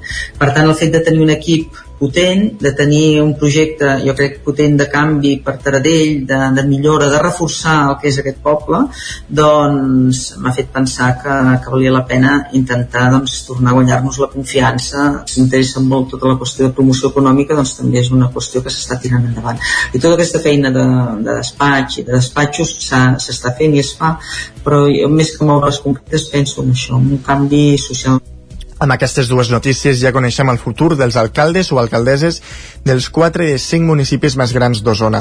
A Vic i Manlleu, Anna R i Àlex Garrido han anunciat que no optaran a la reelecció, mentre que Marçal Ortuño de Torelló i Josep Pare de Centelles repetiran la cursa electoral. Falta saber què passarà a Tona, on Amadeu Lleopard ja hauria anunciat el seu posicionament a l'assemblea d'Aixequem, però resta a l'espera que el col·lectiu ho validi i ho, ho vulgui fer públic. Més qüestions... Eh... La C-59 registra quatre accidents durant el cap de setmana. Dos van ser divendres i els altres dos dissabte en moments de pluja poc intensa. Caral Campàs, Ona Codinenca. El primer dels accidents de divendres a la tarda es va produir a dos quarts de cinc a l'alçada de Sant Quirze de Safaja i el segon poc després, a un quart de sis en una altra ubicació a l'alçada del polígon de Sant Feliu de Codines. En els dos casos van ser sortides, sortides de dia amb un vehicle implicat en cada accident i sense ferits. En el cas de diumenge, tots dos accidents es van produir també a la C-59 en aquest cas els dos a l'alçada de Sant Feliu de Cúdines. El primer a les 10 i 22 del matí en sentit Caldes, al quilòmetre 23,6, amb dos vehicles implicats, dos ferits lleus i un il·lès. El segon va ser diumenge també a les 6 de la tarda en direcció a Sant Feliu, prop del cim d'Àligues, al quilòmetre 26, amb un sol vehicle implicat que va acabar sense ferits. La plataforma C59 Segura va denunciar aquestes situacions amb un tuit deia així, cauen quatre gotes i accident a la C-59 són gairebé sinònims. Avui una mica més amunt del cim d'Àligues. Només cal veure a la foto l'estat de l'asfalt i la poca amplada del tram per adonar-se que això no és només culpa de la pluja. Gràcies, Caral. Encara a la pàgina d'accidents a apuntar que aquest cap de setmana també ha mort un veí de Montmeló de 31 anys en un accident a la Vallòria també al Vallès Oriental. Més qüestions. Avancem en aquest recorregut per la informació del territori 17. El Centre Social Ocupat de l'Espora de Cardedeu va organitzar diumenge una jornada reivindicativa a la plaça Sant Corneli per fer caixa de resistència després del desallotjament del passat 21 de setembre. Òscar Muñoz, Ràdio Televisió, Cardedeu. El Centre Social Ocupat l'Espora va organitzar una jornada reivindicativa després del desallotjament de la planta baixa el passat 21 de setembre. L'acte va comptar amb un vermut acompanyat d'un bingo i un dinar popular. A més, es van produir diversos parlaments reivindicatius i per finalitzar l'acte es va fer una festa a Sound System. Sentim a l'Aniol Guillermont de part de l'Espora. Bueno, actualment, tot i que espantades i com una mica amb el temor aquest que t'entra al cos després que passi una cosa com la del dia 21, però tot i així estem com molt motivades. Al final la, la manifestació i tot el suport que vam rebre de gent ens va motivar moltíssim i com que totes entenem que la lluita que nosaltres fem per l'habitatge doncs és una lluita que va molt més enllà, que al final és una lluita contra el capitalisme i que com la nostra lluita n'hi ha moltes altres, doncs bueno, tenim aquesta espurna de, de motivació, aquesta espurna que ens fa tirar endavant i aquesta motivació que ens fa confiar en que el dia de demà quan torni a tocar enfrontar-nos directament al capitalisme hi serem totes, i serem organitzades i serem més fortes que mai. La finalitat de la jornada era recaptar fons per la Caixa de Resistència per poder continuar defensant-se econòmicament davant les multes i els judicis. Bé, al final la Caixa de Resistència doncs, és una cosa necessària perquè Bueno, intenten atacar per tot arreu i al final una de les coses que ens costa més defensar-nos és l'apartat econòmic, vull dir, que et portin als jutjats és molta pasta, que si han advocats, que si multes, que si no sé què, i, i va arribar un punt que no arribàvem a, a tenir prou peles per poder cobrir tot i per això serveix la caixa de resistència. Avui dia l'Espora resisteix i manté el bloc de pisos ocupats, on viuen diverses famílies.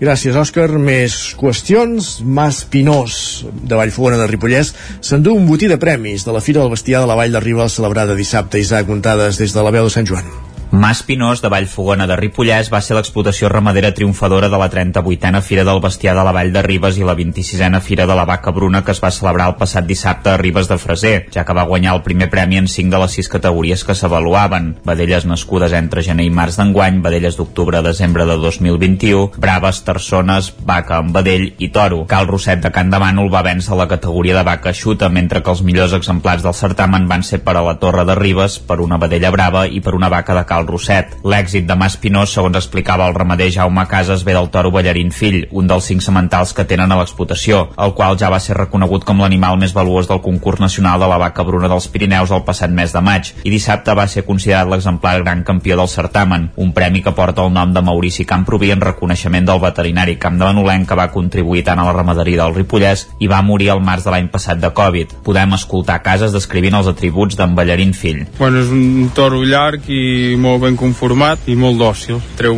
vedells bastant bons. Aquest el vam comprar de vedell, a muntanya, amb una explotació de Berga, i bueno, l'hem anat criant nosaltres i bueno, és el, és el nostre toro, diguéssim. Casas té una explotació de 100 vaques de raça bruna i 4 toros més. En Ballarín Fill no va mai a la muntanya i sempre es queda pasturant als prats del costat de casa amb les 4 o 5 vaques més bones. Tant ell com la representant d'Unió de Pagesos al Ripollès, Raquel Serrat, va denunciar el greu problema que els ha comportat la sequera d'aquest estiu. Climatològicament ens ha marcat molt aquest any per la sequera i ens trobem doncs, que el bestiar hi ha algun bestiar que ha tingut de baixar abans d'hora de les muntanyes i també ens trobem doncs, que hi ha remeis que han tingut de comprar menjar perquè la producció de menjar de la seva finca durant l'estiu tampoc ha estat la que tenia de ser d'un any normal. I a més a més doncs, se sumen l'augment de costos de producció, de gasoil, de pinços i és un any una mica complicat i amb certa incertesa perquè no sabem cap on podem anar. Pel mateix motiu, per la sequera, doncs, hi ha hagut menys producció als nostres prats i, i camps, hem recollit men menys menjar que és el que fem servir durant l'hivern per alimentar els nostres animals i n'hem de comprar.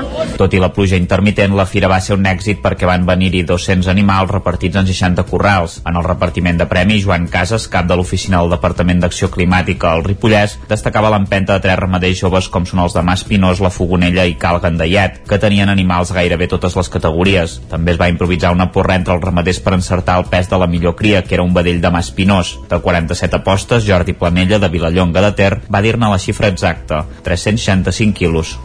Ull clínic, realment, aquest en Jordi Planella. Acabem aquí aquest repàs informatiu que començàvem al punt de les 10 en companyia d'Isaac Muntades, Òscar Muñoz, Sergi Vives i Caral Campàs. Moment de conèixer la previsió del temps. Tornem a una codinenca.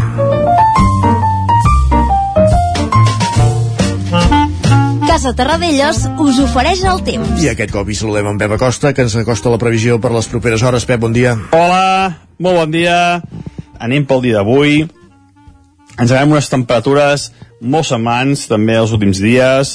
Les mínimes, la majoria, entre els 10 i els 15 graus. Uh, nits uh, no molt suaus, tampoc fredes, fa falta una jaqueta, però només fa falta abrics i coses més, uh, més d'hivern ja cap a les zones del Pirineu. A les zones d'interior, això, amb una jaqueta, encara es pot passar aquestes primeres hores. Uh, avui un dia amb bastanta nuvolositat, Uh, també amb, amb, amb hores de sol no serà un dia ni de, ni de bon tros passat per aigua però sí que bastants, bastants núvols um, de cara a la tarda de cara a migdia hi pot haver uh, un increment de núvols i fins i tot quatre gotes quatre gotes a quines zones? doncs cap al Pirineu i també cap al preditoral aquestes dues zones zones és on hi pot haver més, eh, més possibilitat de precipitacions, tot i que en tots els casos seran escasses. Si és que s'arriben a produir, eh? Perquè hi ha una mica, una mica d'inestabilitat, molt poca cosa, i per tant, eh, si hauria de caure una, alguna botellada serà molt poca cosa. Les temperatures màximes, novament, entre els 20 i els 25 graus, bastant normals per l'època de l'any. I els vents, una mica marítims, de mar cap a terra, bufaran amb, eh, amb molt poca intensitat. No seran vents ni de bon tros molt destacables. I això és tot, a disfrutar aquest dilluns, i demà dimarts ja farem una predicció una mica més de tota la setmana, aviam què ens espera tots aquests dies. Moltes gràcies, adeu.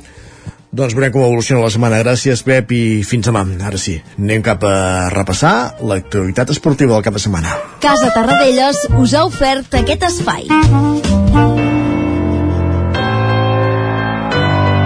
Territori, Territori 17. 17.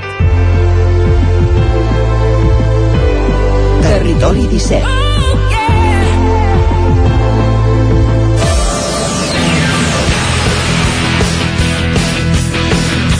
Un minut que passa d'un quart d'onze, ens endinsem a l'actualitat esportiva del cap de setmana. Volem saber com han anat els compromisos dels equips del territori 17. Comencem aquest recorregut a Ràdio Televisió Cardeu. Òscar Muñoz, benvingut de nou. Bon dia. Bon dia. Doncs sí, comencem el repàs esportiu de, de la zona. Un cap de setmana que ha anat força bé. Comencem amb la victòria del primer equip de futbol de Cardedeu, que no, va no ha pogut començar millor la Lliga. Diumenge va guanyar per 4 gols a 0 contra el Sant Pol. Amb aquesta victòria, el Cardedeu es manté a la segona posició amb 3 partits eh, disputats guanyats. Així que això, bon inici pels cardedeuencs en aquesta segona catalana. Ara ens anem a la tercera catalana. L'equip filial de Cardedeu no va poder passar de l'empat a dos a casa del Palau Tordera.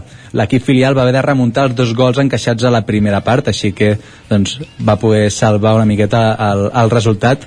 Igual que també el Llinàs de la mateixa lliga, el primer equip del Llinàs doncs, també va empatar, en aquest cas 3 a 3 contra el Vilanova del Vallès a casa del Llinàs.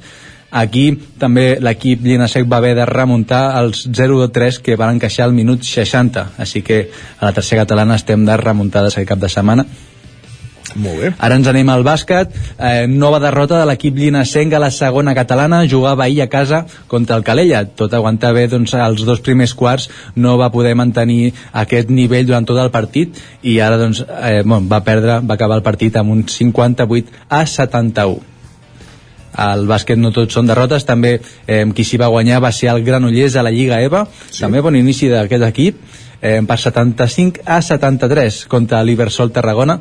Amb aquesta victòria l'equip granollerí es situa a la cinquena posició d'aquesta Lliga EVA i acabem, acabem a Granollers amb l'únic partit d'handbol que, ten, que teníem i no va ser cap setmana, va ser divendres però això, acabem amb el Franklin Granollers que aquest divendres van doncs, encadenar el cinquè triomf a la Lliga Sobal després d'imposar-se el balonmano Sinfin per 34 a 27. Amb aquest triomf, el Franklin ja és segon classificat de la Lliga Sobal en solitari amb 8 punts i a 2 del Barça. Així que també bon inici del Franking a la Lliga Sobal.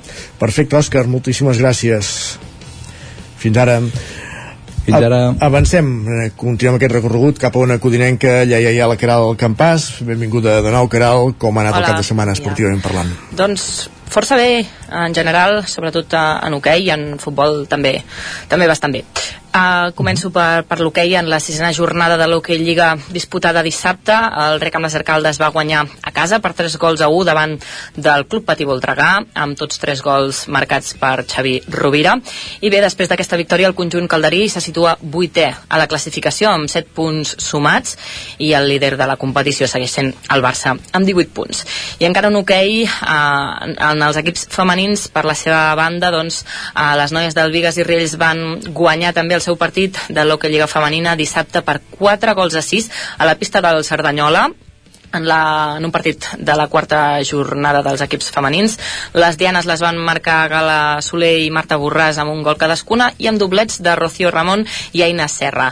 Uh, aquest resultat situa l'equip, les noies del Vigues, quartes a la classificació amb 7 punts a només 5 del líder, que és el Palau de Plegamans. I me'n vaig El futbol, a tercera catalana, en els partits de la quarta jornada, el primer equip masculí del Sant Feliu de Codines va empatar dos gols al camp de l'Olímpic La Garriga, amb dianes de José Luis Nortes i Eduard Castro, i bé, el conjunt codinenc va aconseguir situar el 0-2 al marcador, però a la segona meitat del partit els de la Garriga van apretar i van aconseguir empatar-lo. Doncs amb aquest resultat eh, el Sant Feliu se situa cinquè en la classificació amb 7 punts. I qui també disputava eh, aquest grup de tercera catalana és el Mollà, davant del Tona, va, un partit que va acabar amb victòria eh, pel Mollà. Els autors dels gols van ser Eloi Colomer i Oliver Morales, i amb aquesta victòria l'equip ja és segona, només dos punts del líder, que és el Sant Quirze de Besora. I encara eh, en aquest grup de tercera catalana, en aquesta eh, quarta jornada, el Vigas es va desplaçar a la pista, desplaçar perdó, a la pista del Navàs, on van ser derrotats per 2 a 0. Eh, val a dir que el Vigas no ha guanyat cap partit des de que ha començat Carai. la competició i eh, també a tercera catalana però al grup 7 tenim el Caldés que va guanyar el primer partit de la temporada contra l'Artés amb un, amb un marcador que va acabar per 3 a 2. I acabaria aquest repàs esportiu a primera catalana, on el Caldes va empatar a 2 al camp del Bascanó amb dos gols, obra de Carles Valls en la segona jornada de la competició. Els calderins van arribar a la mitja per guanyant per 0 a 2, però el conjunt gironí va saber doncs, capgirar el resultat a la segona meitat i el Caldes ara és 12 a la classificació amb un punt. Perfecte, gràcies, Caral. Bon dia. Merci. Continuem aquest recorregut i ara anem fins al Ripollès, a la veu de Sant Joan. Allà ens hi espera l'Isaac Muntades. Bon dia, Isaac. Bon dia, bon dia. Com ha anat la Don... cosa? Doncs ha anat força bé, bastantes bones notícies, eh, gairebé hem fet ple. En el futbol, el grup 18 de la tercera catalana, de fet, l'hem fet, perquè van guanyar els tres equips. La Badesenc va vèncer l'Atlètic Banyoles en un partit en què va fer una primera part molt, molt bona, en què podria haver aconseguit una golejada d'escàndol. A la segona sí que els banyolins van ser millors i podrien haver tornat la pallissa, però bé, eh, la Badesenc va guanyar per 3 a 1. Als 25 minuts Cordomí va inaugurar el marcador després d'una gran combinació al primer toc i amb un xut creuat. 5 minuts després Dani va fer el segon després de diversos rebots i 5 minuts després un altre cop Gómez va marcar el tercer gol amb un xut fort i col·locat des de la frontal. A la segona part, l'Ètic Club Banyoles només va escurçar distància amb un gol de López amb una centrada que, que es va enverinar i va entrar directament a la porteria de Sacrest. La Badesenc és tercer amb 8 punts, que són els mateixos punts eh, que té el Can de Bànol, que és quart, just per darrere de, de la Badesenc per, per gols. Eh, aquest cap de setmana sempre havia perdut al camp del Santa Pau fins aquest diumenge on va aconseguir una golejada d'escàndol 0-4, van ser molt superiors als, als candavanolencs amb un vendaval ofensiu a la primera part, fins i tot li van anul·lar un gol a Serrador per mans. El propi Serrador va fer el primer amb un xut potent de, de fora l'àrea, el Calde amb un xut per baix després d'una bona triangulació entre Anguita, Serrador i ell mateix va fer el segon a la segona part el Santa Pau va enviar, una pila del travesser però Canaro va tenir moltes ocasions Cristian va sentenciar el partit en un contraatac i, i després eh, doncs, en el temps afegit Garrido va fer el quart gol després d'un robatori d'Anguita al centre del camp. Pel que fa al Camprodon va aconseguir la primera victòria de la temporada en guanyar per 2 a 1 al Sant Privat en un partit en què podrien haver golejat. Uh, Planella va fer el primer gol de Vaselina en el primer minut. El propi Planella va fer doblet just en començar la segona part després d'una de rematada cap una centrada. I el Camprodon no va patir perquè el gol del Sant Privat va arribar al minut 90 94 amb un xut des de fora l'àrea de, de càmera que va sorprendre el porter. I ara ja el Camprodon ja és 8 amb 6 punts. A la Nacional Catalana d'Hockey bones notícies per l'Hockey Club Ripoll que va aconseguir la primera victòria de la temporada a casa en vèncer per 3 a 1 al Gaiec que era el líder de la categoria en un partit força igualat en què es va arribar amb 1 a 0 al descans. A la segona meitat doncs també va haver-hi molta intensitat però el Ripoll doncs es va posar 2 a 0 el Gaiec va reduir la distància 13 segons després eh, però a falta d'un quart d'hora i el Ripoll va fer el tercer gol els gols obres de Jaume Solà i Enric i ara mateix és sisè de 8 equips i es dona la circumstància que abans de començar la jornada ha jugat ja amb els tres primers equips de la classificació per tant ara li vindrien partits més assequibles teòricament i dir-vos també finalment dues coses per acabar l'escola sí. futbol sala Ripoll Servicat va perdre 4-3 contra els Centelles en un partit en què anava guanyant 1-3 i a la segona part se li va complicar. Uh -huh. i que aquest dissabte doncs, es va celebrar la cinquena edició del Rally Ripollès Clàssics amb 60 equips, amb 65 equips que hi van participar-hi i en què doncs, eh, per dir-vos alguna la victòria en la categoria d'iniciació doncs, va ser per Francesc Garrido i Juanjo Martínez al volant d'un Renault R5 TX Gràcies Isaac, bon, parlem després Fins ara. A vosaltres, adeu. I avancem i continuem aquest recorregut als estudis del 9FM amb l'Ester Rovira. Benvinguda, bon dia. Bon dia. Abans la Caral ja ens parlava d'aquesta derrota del Voltregà a la pista d'alcaldes, però on hi ha hagut bones notícies és a l'hoquei Lliga Femenina. Ah, Sí, bo, doble victòria dels conjunts uh, usonencs, d'entrada un cop d'autoritat del Manlleu davant del Telecable Gijón uh, a domicili guanyant per 1 a 2 uh, per tant uh, un Manlleu que podem dir que va tornar a ser el Manlleu dissabte en aquest desplaçament després de- d'algunes jornades de- d'incertesa i victòria també amb remuntada uh, pel Voltregà, en aquest cas a casa contra l'Alpicat per 6 a 3 uh, amb una gran segona part per sumar la que era la primera victòria de, de la temporada pel conjunt de, de Sant Hipòlit. Um, això uh, pel que fa als conjunts que, que militen a l'hoquei Lliga uh, d'altra banda hi havia la Lliga Catalana Plata amb la fase final a, a Vic i hem de dir que el Club Patí Vic uh, va caure a la final d'aquesta segona edició davant del, del Palafrugell. No va poder aconseguir el títol després de perdre per 8 a, a 2 però bé, el Club Patí Vic que va ser capaç d'arribar a, doncs a classificar-se entre aquests quatre conjunts. I encara en hoquei destacar que el Voltregà es va imposar a Espanya a la final eh, de l'Euroquei eh, Cup eh, en categoria FEM 17 eh, i va guanyar per primera vegada aquesta competició eh, les noies que, que entrena a Motxa Barceló eh, que van fer eh, una gran competició aquesta que es disputava a Blanes i van guanyar per 1 a 6 un contundent resultat a, a la final. En el cas de, dels futbols derrota per, Ràpidament, per la 30 mínima el Vic Riu primer sí, a la nacional femenina 0 a 1 a casa contra el Sant Gabriel. També primera derrota de la temporada del Tona a casa contra l'Europa per 2 a 4 el Manlleu va sumar un punt davant del Mollet eh, 1 a 1 en aquest cas primera victòria del Torelló 2 a 0 a casa contra el Can Givert i el Vic que va empatar sense gols al camp del Granollers I tenim 10 segons pel bàsquet, si vols, o no cal? Uh, sí, si vols, sí, com que m'has dit tan ràpid, jo m'he afanyat. Per anar ràpid, uh, doncs el Club Bàsquet Vic debuta fora de casa amb victòria, 63 a 75 a la pista de, del Mataró i segona victòria de la temporada pels biguetans. Gràcies, Esther. Que vagi bé. El nou FM, la ràdio de casa, al 92.8. A Rialtec som especialistes en instal·lacions fotovoltaiques, aerotèrmia, clima i instal·lacions integrals pel teu habitatge o la teva empresa. Demana el teu pressupost sense cap compromís. Rialtec. Ens trobaràs al carrer Narcís Monturiol 22 de Gurb i al telèfon 93 131 1796. A Deportec estem especialitzats en el tractament d'aigües residuals i el tractament de purins. Donem un servei integral en el tractament de l'aigua, oferint el disseny de la línia hidràulica, reparacions i manteniment, analítiques, formulació i subministrament de productes químics. Ara a Deportec et podem ajudar a obtenir un gran estalvi energètic en la deshidratació de fangs, oferint-te un sistema innovador, el Depordisc. Deportec, ens trobaràs al carrer de la Fusteria 22, al polígon de les Gaules, a Tona. Amb Pradell estalvio energia i cuido la meva butxaca i el medi ambient. Posa't en mans a Pradell, són experts en calderes de gas i condensació, estufes de pèl·let, energia solar, terres radiants i geotèrmia.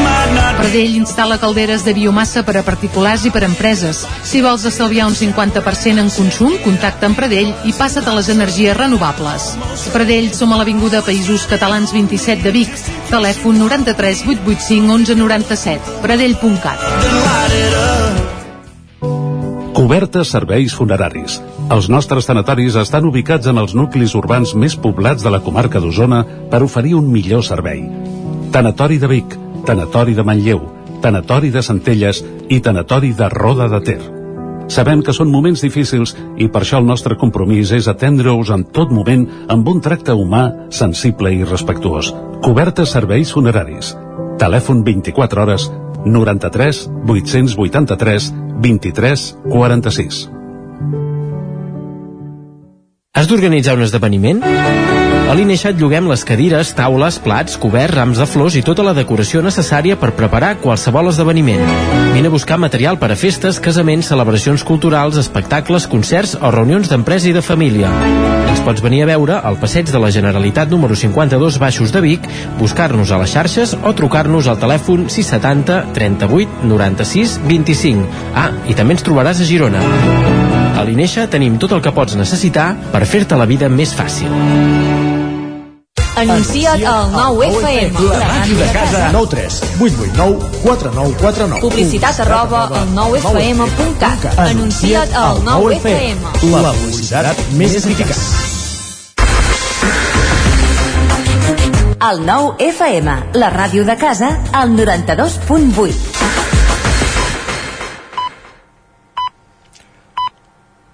En punt dos quarts d'onze al territori 17.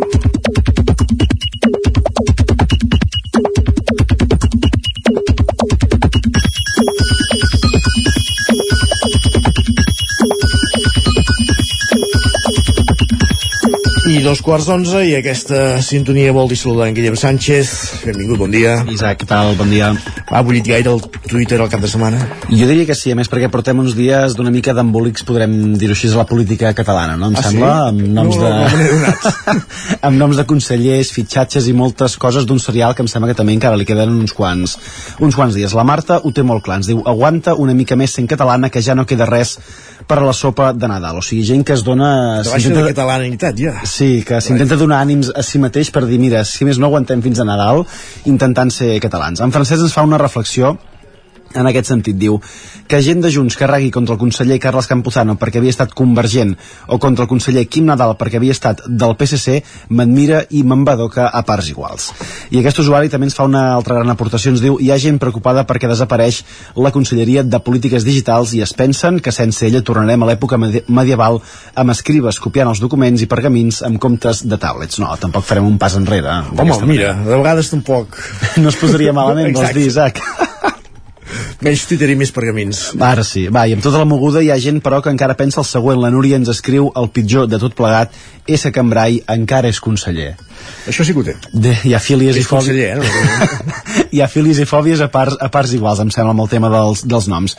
I per aquesta banda també va l'Andreu, que ens escriu Bona notícia, de moment sabem que Gabriel Rufián no serà conseller d'Educació. Bé, no sé què, què té la gent amb aquesta, amb aquesta conselleria que... És el serà el caldable per Santa Coloma, això sí. Vinga, doncs va. I per la seva part, en Jaume troba a faltar una mica de cares noves en aquesta, no, ens han No, home, no. aquests, aquests dies. Diu, Jo només trobo a faltar ja, només trobo a faltar que el Barça es reforci amb Reixac, ara ja. ens, ens escriu en Jaume, diu Quim Nadal, conseller pel PSC en els dos, en els dos tripartits anteriors, serà conseller d'universitats. Diu, molta sang nova. molta sang i moltes altres coses. Va, i la Marta ens en fa un bon resum, diu la Generalitat com a govern, no ho sé, diu, però com a agència de col·locació funciona molt i molt bé. Doncs si algú té algun currículum que... Agència de col·locació. En Nadal ja estava jubilat, no li calia ara trobar feina. Dic Què vols dir, que ja cobrava d'una altra banda i ara s'hi torna a posar? O... Bueno, no sé. No sé, no sé, diu l'Isaac. Però vinga, va, canviem de tema. Isaac, no sé si tu tens alguna foto de perfil a les teves xarxes socials, als teus comptes, al WhatsApp... Mira, al algun- WhatsApp hi tinc un dibuix que em va fer la Pilarina una vegada. I amb algun altre compte, amb alguna altra xarxa? Eh, Fotos, fotos. Fotos, sí. perquè aquest usuari ens fa una reflexió curiosa. Es diu Adrià, ens diu els tios ens fem una foto on sortim mitjanament bé i la posem de perfil a tot arreu durant un mínim de 3 anys. Aquesta és la seva teoria. Més. Més encara? Sí, sí. De fet, no sé si és la seva parella que li respon en primera opció, diu sí, i a sobre quan li hem d'ensenyar a les amigues encara hem de dir, però és més guapo en persona. en Ramon per això, com deies, encara va una mica més enllà. Diu, pobres tres, hi ha llocs que fa 15 anys que tinc la mateixa. Home, 15 anys, no sé si encara existien o ja existien algunes xarxes no, no. socials on la gent on posar... Com a on molt, posar com a fotos molt, com a així. molt al Facebook. Hòsties, encara tens Facebook, Isaac, tu? No, sí, encara el tinc, sí. I el, fa, que- i el que fas servir o no? Que, que existís fa 15 anys, com a molt al Facebook. Ostres, però si guardes una foto de fa 15 anys a les, a les teves xarxes o com a perfil d'usuari d'alguna cosa, ostres, eh, és que has tingut poc temps per fer-te alguna foto una mica més més decent, O no? és que tens les xarxes una mica deixades. També, també podria ser. Va, i només per acabar, per fer una referència al futbol i al partit d'ahir del Barça, una reflexió interessant, ara que vindrà la tertúlia esportiva també. Ens escriuen, a Gavi el poses una hora a les Rambles de Barcelona i et recupera 50 rellotges, 35 carteres i 80 mòbils robats. I, si, I si l'acompanyes de Jordi Alba...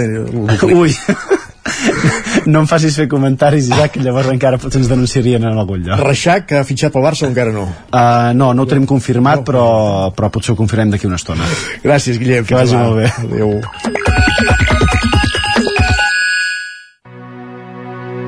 Territori 17.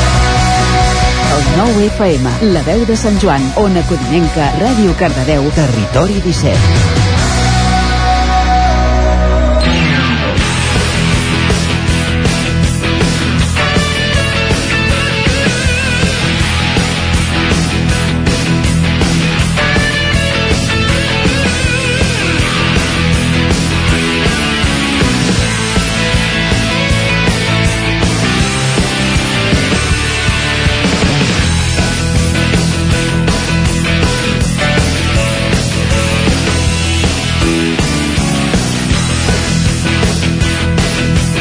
Doncs repetim la sintonia esportiva del territori 17, moment de tertúlia esportiva, avui en companyia de Lluís de Planell, d'Isaac Muntades, d'Òscar Muñoz i d'Agustí Danés.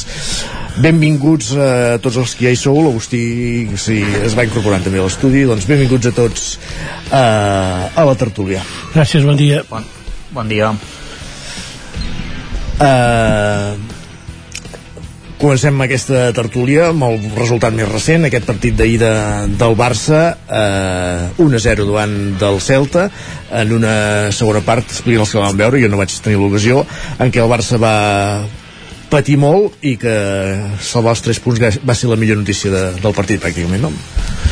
Sí, aquest seria el, el resum i, i dona una idea bastant ajustada de com de trist va ser el partit del Barça, no? Perquè si tu jugues a casa contra el Celta, ets líder i al final el resum és el que tu has fet, que és a dir, el millor són els 3 punts, doncs dona una imatge bastant ajustada del, del que va ser, no cal afegir gaire res més. Bueno, sí, val afegir-hi que eh, eh, a Milà, a Milà tampoc. Bueno. Jo tinc el titular, el titular del partit és que no sempre guanya el millor, no? Ja ho, ja ho deia Xavi aquesta setmana, ja ho deia Messi, no? No sempre guanya el millor bueno, i efectivament el, el, va, va guanyar el que no, no, no, va, no, va ser molt no, superior no, a la segona part. No, normalment, Isaac, aquest és una confusió típica eh, d'aquestes frases fetes de manual. Normalment el futbol el que guanya és el que fa més gols legals. No sempre. Sí, el que, el que, fa, més, el que fa més gols legals és el que guanya. Sí, i sempre això, no, no això, Vull dir que no és, no és que no guanyi... Està bé aquest matís no és que no, que no guanyi el millor, ni que no... No, el que fa més gols legals és el que guanya, no? Per tant, ahir va guanyar el Barça el Celta, és veritat, sí, a mi em va agradar el Celta el que va fer, el que passa el, el Celta va anar, va anar creixent i al final quan estàs dins el partit, que moltes vegades això passa quan juguen els, els adversaris estan al camp del Barça, quan passa el camp del Madrid, no? que intenten especular. De fet el porter al minut 2 l'àrbitre haver d'advertir perquè perdia temps al minut 2 i això dona una idea de quin era l'objectiu del Celta, no? Però no, no ho critico, vull dir, aquests equips eh, actuen així, però llavors quan tu arribes al minut 80 i estàs dins del partit, és quan passa això, no? Que fas aquesta estrabada final i que això pot passar al camp del Barça, pot passar al camp del Madrid. El Madrid normalment al minut 80 els partits estan resolts i ahir no estava resolt i va haver sí aquesta, aquesta empenta final, també amb algunes accions que crec que que van semblar més del que eren perquè al final estaven invalidades gairebé totes per, per fores de joc no? mm, llavors bueno, dona, dona que... però a mi em va agradar el Celta eh? jo penso que, que el Celta ho va fer bé i el Barça ho va fer malament el Barça amb aquests problemes de lesions que ha tingut ha de fer alineacions que no són lògiques perquè no és lògic eh, jugar amb, amb tres laterals eh, esquerres eh, no és lògic però llavors les circumstàncies et, et porten aquí i aquesta deu ser una part de l'explicació d'un equip que li falta fluidesa però que eh, va aconseguir l'objectiu primordial que en aquesta altura i principalment ara fins al mes de novembre que és quan et jugaràs gran part de tot és de dir, mantenir el tipus a la Lliga i sobretot passar, passar el tall de la Champions. Aquest és, és l'objectiu i, i d'aquesta setmana crec que que encara que el, que el, que el cor et demani una altra cosa, vull dir, el partit important d'aquesta setmana per al Barça és el de dimecres, perquè el de dimecres no, amb l'Inter no admet error. El del, el, el del Bernabéu sí. Vull dir que si d'aquests dos n'has de guanyar un, no hi ha color de quina ha de ser, ha de ser el de l'Inter. Sí. I sí, veus el partit clau anava a dir, veus l'equip eh, capacitat per guanyar, per guanyar l'Inter després de ja l'experiència de la setmana passada? Sí, segur que sí, perquè eh, primer jugant a casa i després, bueno, aquest equip eh, va creixent i el camp de l'Inter tampoc és que l'Inter passés per sobre, no? I totes aquestes circumstàncies relacionades amb les decisions aquestes arbitrals que va acabar d'una manera que hagués pogut acabar d'una altra, no? I, bueno, acaba sent curiós que un esport que es jugui amb els peus tothom discuteixi sobre les mans, però però bueno, era, jo hi pot haver, eh? jo no, no tinc gens, gens, gens d'aquesta cosa de que els àrbits van en contra del Barça i de contubernis, gens, zero i crec que el VAR ajuda a fer-ho molt més just però sí que és veritat que hi ha desajustos i l'altre dia em sembla que és bastant evident amb aquestes dues accions que que no, que no, no van a l'hora el criteri arbitral no van a l'hora amb independència ara que fos el Barça eh? no van a l'hora, era gol el, el de l'Anso Fati era gol no, no ho vaig veure no ho sé però El, el que sí sé és que l'Inter va setè de la, de la Lliga Italiana. Vull dir que mm, suposo ara deu ser com que ha de jugar contra el Barça ara eh, deu ser una potència mundial del futbol però va setè de la Lliga italiana eh? vull dir que l'Inter no, l'Inter no, no, és, no és una potència mundial és un gran d'Europa com ho és la Juve que tampoc va bé Uh, l'estat de Reims també és un... No, perquè no. El Celtic de Glasgow no, també és una potència d'Europa. No, Té una no, jugava... Equips grans a Europa no n'hi ha gaires i no són, no, no, són, no, no, no són els que dieu, vull dir, perquè un equip guanyi no sé quantes vegades la Lliga Escocesa no serà, no serà un gran d'Europa, ah, no? Però, sí, sí. però el Bayern de Múnich sí que ho és, sí. encara que guanyi una lliga que no és competitiva però el Bayern de Múnich ho és, la Juve ho és encara que no vagi bé, l'Inter ho és l'Inter té una vitrina amb, amb, amb Copes d'Europa, l'Inter va guanyar ah, plenes de, plenes de pols, eh? l'Inter va, fa molts anys, no, no. eh? l'Inter va fa dos anys va guanyar l'Scudetto vull dir, l'Inter és després de 10 anys sense guanyar l'Inter és un equip potent és un equip potent. Que va setè de la Lliga Italiana. Bueno, com la Juve com la Juve, com la Juve va malament això, això tot just comença. Ah. això tot just comença. Sí.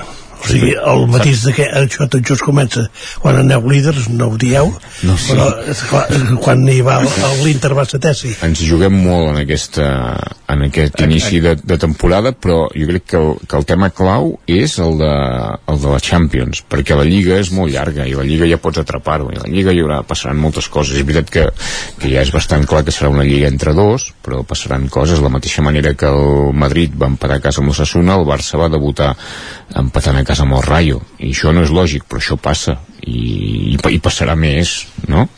Esperem. Sí, aquest, aquest dimecres el Barça s'hi juga la temporada clarament i si, i si perd el partit inclús si l'empata per mi és un fracàs si el perd mm, pràcticament ja se'n va a l'Europa League perquè el Bayern em sembla que només hauria de guanyar el, el seu partit al camp del Victoria Pilsen que, que vaja, dono per fet que el Bayern guanyarà, guanyarà aquest partit per tant, dos anys seguits a l'Europa League amb Xavi d'entrenador de, que es pintava com el gran salvador de la, que, de la pàtria espera que jugui el partit, no?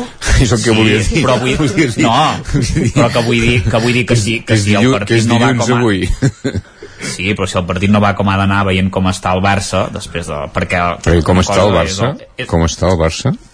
El Barça està malament en joc i el Celta ho va demostrar en aquesta segona part i l'Inter no és el Celta és un, té un, alguna, algun jugador que és bastant millor que, que els del, del Celta i que segurament en ocasions doncs eh, tindran més, més encert no? per tant jo clar, evidentment que el Barça és favorit i hauria de guanyar el partit però, però bé, perquè l'Inter com ha dit en Lluís és setè de la, de la Lliga Italiana però, però com perdi el Barça o empati pràcticament els fantasmes d'Europa League. De fet, ja, ja per aquí a la ràdio ja n'he vist algun que estava, que estava volant per aquí darrere de, de, Fantasma de fantasmes de l'Europa League. I, i, so, I serien dos anys, eh? I, i aquest any sí, llavors eh, I intenteu-la guanyar almenys, perquè... Sí, sí, sí, sí, sí, sí, sí, sí.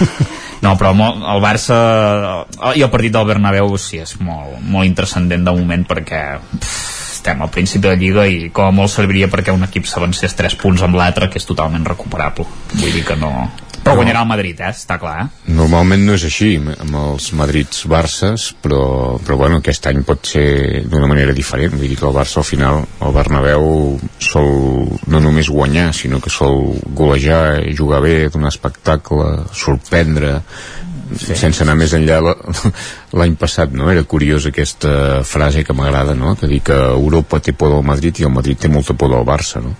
0-4 al Bernabéu té, té tanta por que tota la història l'ha guanyat ja 100 vegades em sembla vull dir, és un equip que li tenim molt de presa però i, la, la història, no discutirem no. ara d'història però la història no és lineal vull dir, ja ho saps, la història no, no, hi, ha, hi ha un parèntesi sí. molt gran amb interferències eh, polítiques molt clares i això, quan mires només el palmarès eh, això explica moltes coses i això, ja val, això val per la Lliga i val per les copes, i val per les copes d'Europa. És que això no, no m'invento jo. això està, això, això està escrit. I no discuteixo l última jo sempre deia que el Madrid ja en guanyarà de Champions. Clar que en guanyarà.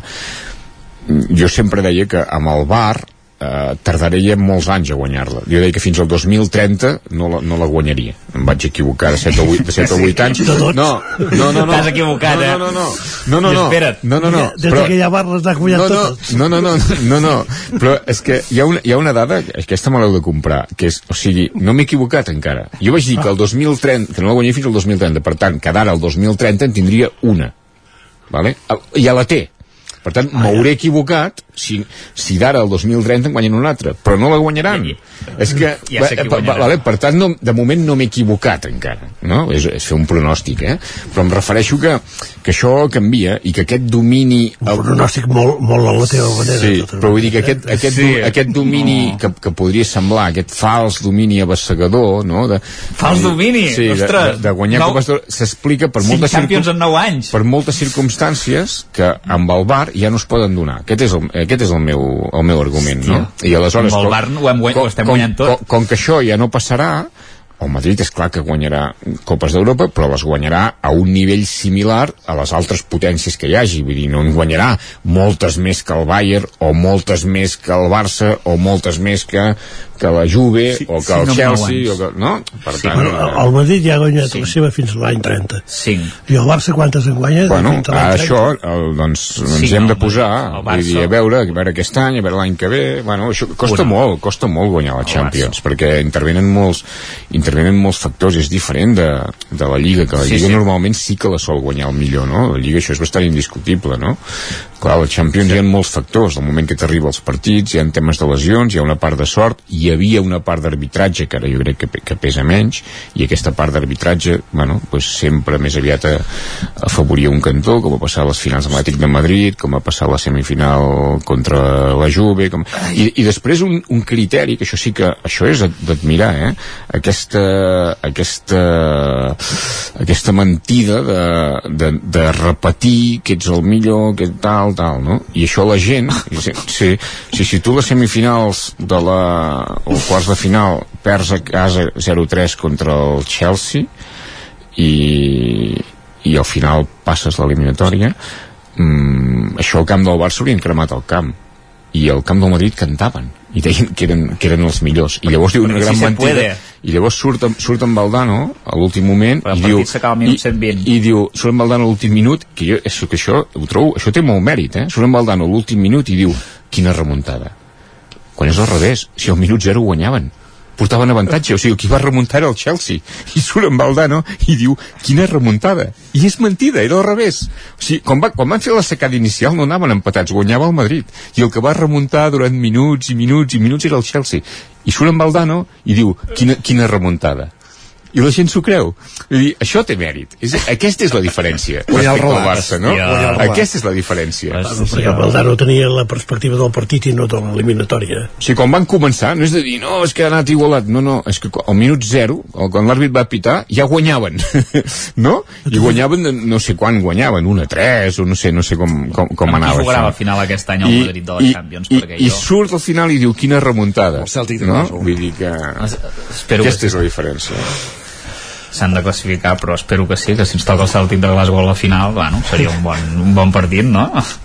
per guanyar una altra Copa d'Europa perquè clar, és que l'Agustí m'ha deixat de pedra que, que, si, que si no dominem i que, que si guanyarem una Champions ah, no, fi- d'aquí al 2030 que és la que hem guanyat el Madrid aquest, en- quan aquest any segurament la guanyarem en guanyarà però com, bueno. com els altres equips grans vull dir, els equips al final Sí, hi ha molt poques sorpreses. Si tu mires hi ha molt poques sorpreses. Vull dir, ara a la, sí, a la fase de grups en pot colar un però vull dir el Bruges.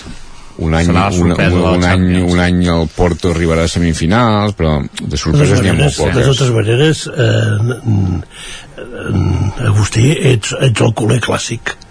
Per què? Porta, poses les, les, les coses al lloc on, on et sembla. Fas un pronòstic que el Madrid no guanyarà un, com a molt una Champions d'aquí a l'any 30. Ja l'ha guanyada. Doncs ja està. Ara, aviam, fins l'any 30, aviam si ho guanya de canvi. Molt bé. Llavors, el, els àrbitres eh, fins ara ens perjudicaven perquè recordem eliminatòries contra... Sí, i quan jugàveu contra equips mm, com, com els Pericos, per exemple, els favors arbitrals, aquests no, no compten compten? No. No, no el, compten, no el, compten. amb, el, amb el bar, jo crec que amb el bar és, és tot més just, per això dic, jo no, no tinc la idea aquesta de que els àrbits van a la contra, no, hi han decisions i hi han qüestions les teniu. que, que passaven i que ara no passen, i que normalment aquestes decisions, històricament, sempre pots anar al detall, sempre solien afavorir en un, no? I no, i no, i no, i no en un En altre. jugar amb contra el Barça sempre afavoria Però, el però, Barça. però, però és, és un altre nivell, no pots anar Ah. a, a buscar això. Vull Ho veus com ets culer eh, al 100%? És un altre nivell, l'espanyol és un altre nivell, l'espanyol ha de, ha de, ha de comparar-se amb el, amb el Cádiz i amb el, amb el Rayo Vallecano, no? Collsospina i- No, amb el Collsospina no. Amb el Campdevant o... amb el Getafe. Hòstia, el canal no, eh, que aquesta jornada va guanyar fàcil, eh? Amb el Getafe, no? Sí, sí. Amb, amb aquests aquí. Ja, ja, ja, ja. Empat a Cádiz. El Leganés. Empat 2 a 2 amb el, al al camp del Cádiz ahir, eh, Lluís? Sí, que dir, no veus, nosaltres som generosos. Em regalen gols. Cada jornada en regaleu com a mínim un. Home, home, home això també Sí, sí. Aneu, aneu competint amb el Girona, també, eh?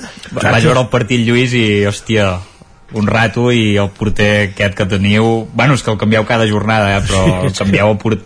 busqueu un porter decent eh, perquè, ostres. És que, és que, aviam, si el primer no funciona i el segon tampoc, posi el tercer que per això el tens. I a més és un nano Garcia. del planter eh, que en Joan Garcia, que és un nano del planter i diuen que serà bo. De totes maneres en... comentàvem amb, amb, amb, amb amb l'Agustí abans de, de començar el, ara hi ha, hi ha el debat del porter perquè les coses van com van. Um, uh, això per un cantó perquè en, en David López va jugar uh, amb el Rayo. Diego López va jugar contra el Rayo i un gran partit no va fer perquè eh, li van fer tres gols eh, eh, pràcticament tot, tot, tot van ser a les seves que no dic que no l'Espanyol rendia a un nivell extraordinari i es va acabar el contracte i va, algú va decidir no renovar-lo. I llavors van fitxar malament. Però llavors hi ha el cas eh, al revés.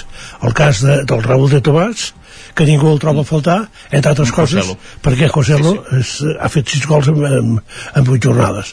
Vull dir que el futbol és d'aquesta manera, i si a Joselu no hagués marcat aquests sis gols, ara també algú estaria parlant de la falta que fa en Raúl de Tomàs, que per altra banda considero que és sí. tècnicament un jugador extraordinari però que no ha funcionat des, de, des del punt de vista psicològic o, o ja no sé com dir-ho però la, però la porteria és, un, és una posició molt determinant, eh? Vull dir que jo penso, i, i per un que equip... gol també, eh? Sí, també. De fet, són les dues posicions determinants, però em refereixo que, que a, a davant, el gol també, però igual hi ha més alternatives, però la, la, o pots tenir més alternatives, però la porteria és una posició tan específica, no? I per un equip, i, i per equips com la majoria d'equips, eh? eh? La majoria d'equips, penso que si tu et vols blindar, aquesta posició l'has d'assegurar molt bé. I l'Espanyol és veritat que, que també hi ha, hi ha una qüestió de rellotge biològic. l'Espanyol la tenia ben assegurada aquest, aquesta posició, però clar, els anys tampoc passen en va, no? i hi ha algun moment que l'has de fer aquest relleu, però poder l'has d'assegurar l'has d'assegurar una mica més el relleu. I aquesta part, eh, clar, el porter sí, amb tots els equips. I ara penso al, al, al Madrid per exemple amb en, amb en, en, en Courtois és espectacular. Però amb un equip gran no sé si és tan determinant el porter i la realitat del Madrid potser em desmenteix eh? perquè, No, però per, però no és, aquests però, partits ja però amb aquests equips que, que, que hi ha molts partits que t'has de defensar no? eh, porter a mi em sembla una posició vull dir que hauria de ser és determinant N'hem parlat moltes vegades que en Courtois ha, ha salvat el Madrid, eh? Sí, per això dic que... Em, I, això i, però aquests partits tampoc se l'ha trobat a faltar, eh? perquè, a veure, sí que es va empatar un partit amb l'Ossassuna, però era un gol impossible de- d'aturar, i, i en l'únic que és un jugador que, doncs, que ha tingut poques oportunitats, però que jo crec que quan ha sortit ha complert, és a dir, eh, ha ha fet les aturades que tocava, fins i tot hi va haver un partit, recordo, que va aturar un penal, Uh, vull dir que és un jugador que, que jo penso que segurament no, no continuarà molt més de temps al Madrid perquè és un, és un nano que ha de jugar perquè té, té l'edat per jugar i, i és un bon porter suplent això, això està bé. I ara amb Courtois suposo que amb el Shakhtar em sembla que encara no jugarà crec mm, però, o, o almenys eh, tinc els meus dubtes però de cara al clàssic estarà ja disponible. Veurem com està perquè després d'una lesió evidentment doncs eh, es pot notar, eh? però jo penso que sí que és un dels baluards. Això que el Madrid aquest any encara no havia mantingut la porteria zero a la, a la Lliga, tampoc li havia, caig- li havia calgut, excepte en el partit del Sassuna, perquè ja havia guanyat dels partits, però, però en l'Unin ahir va aconseguir mantenir la porteria a zero que també és una cosa a destacar i a la Champions sí que estem que estem bastant millor Champions, el, el, el grup, sí. diguem, tampoc seria dels més exigents, no? No, no de fet podríem, jo crec que els tres partits que queden els hauríem de jugar amb, amb suplents i, i juvenils perquè és que ja estem classificats i, i realment que descansin els jugadors que hi ha un mundial pel mig, que juguin jugadors poc habituals i donar vacances algun dia en Modric, que se'n vagi a Croàcia, allà a Zagreb, a viure una mica la vida alguns dies d'aquests de, de Champions, perquè és que no ens cal. Altres equips sí que hi hauran de posar-hi el coll i, i, i s'ho jugaran tot, eh?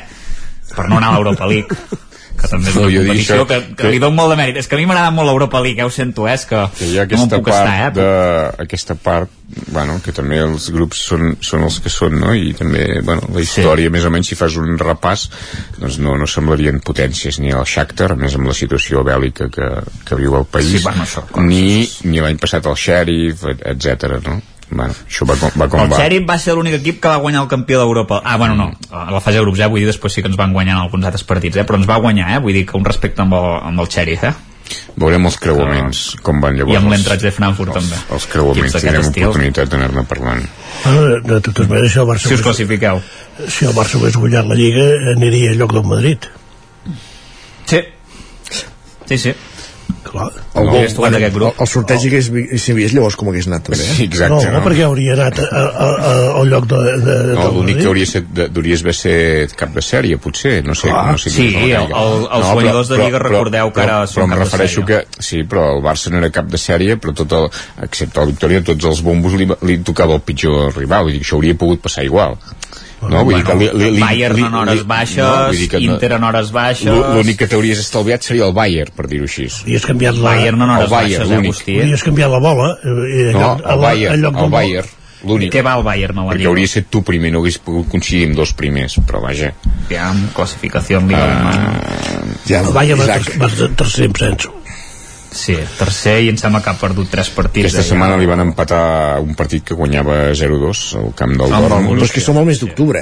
Sí, sí però, però és que aquest any és diferent. Amb l'aturada del Mundial... O... A mi el que em sorprèn d'aquest calendari és que el Barça, el Madrid, en aquest, bas, en aquest cas, Madrid-Barça es jugui al mes d'octubre perquè és massa, ho, ho acabeu de dir, vull dir, no té cap transcendència el, aquest partit perquè sí, sí, els dos equips van, van empatats i un es pot posar 3 punts a l'altre i 3 punts a l'altre amb, amb 10 jornades de lliga o 11 jugades i amb un partit entre ells que Exacte, faltarà no, no té cap interès no, és totalment intrascendent Exacte. totalment intrascendent mentre que si això es juga just abans del Mundial per exemple eh? sí. doncs, no imagina, com condiciona és, o a un i a l'altre equip, eh, tots dos. És, és eh? intrascendent, però, però més guanyar-lo, eh? Està clar, evidentment. No? Vull dir sí, que és, però, però més intrascendent si perdem dilluns el meu discurs serà de, no passa res. Ja el tens preparat ja, eh? ja em curo amb salut. Sí, però crec que guanyarà el Madrid. La meva porra és que guanyarà. 1-0 amb gol de, de Vinícius de rebot amb el cul. I amb això n'hi ha prou de fet, no? Sí, amb això n'hi ha prou. Home, i de més... Fet el Barça 1-0 amb el Celta, ja n'hi ha prou. El, el Barça fa no sé quants dies que no li fan un gol, no? Barça té una ratxa d'imbatibilitat a la porteria im, im, un gol, important, un no? gol en tota la Lliga porta un gol que devia fer Isaac a la Real Societat no? a la jornada a la, segona, a la segona jornada per això va fer fora de la Lliga això, això és important també eh? La porteria Nois, zero és important també. Ho, deixem aquí, ho hem de deixar aquí. Gràcies, sí. parlem dilluns a tot plegat. Bon dia. Bon dia. Adéu. Amb la tertúlia esportiva en companyia de l'Agustí Danés, en Lluís de Planell i l'Isaac Muntades, acabem el territori 17 d'avui, 10 d'octubre de 2022. Començàvem a les 9 en companyia de Laura Serrat, Òscar Muñoz, Peba Costa, Caral Campàs, Esther Rovira, Guillem Sánchez, Isaac Muntades, Lluís de Planell, Agustí Danés, Sergi Vives i Isaac Moreno. I tornem demà a les 9. Territori 17 un magazín del nou FM. La veu de Sant Joan, Ona Codinenca i Ràdio Cardedeu amb el suport de la xarxa.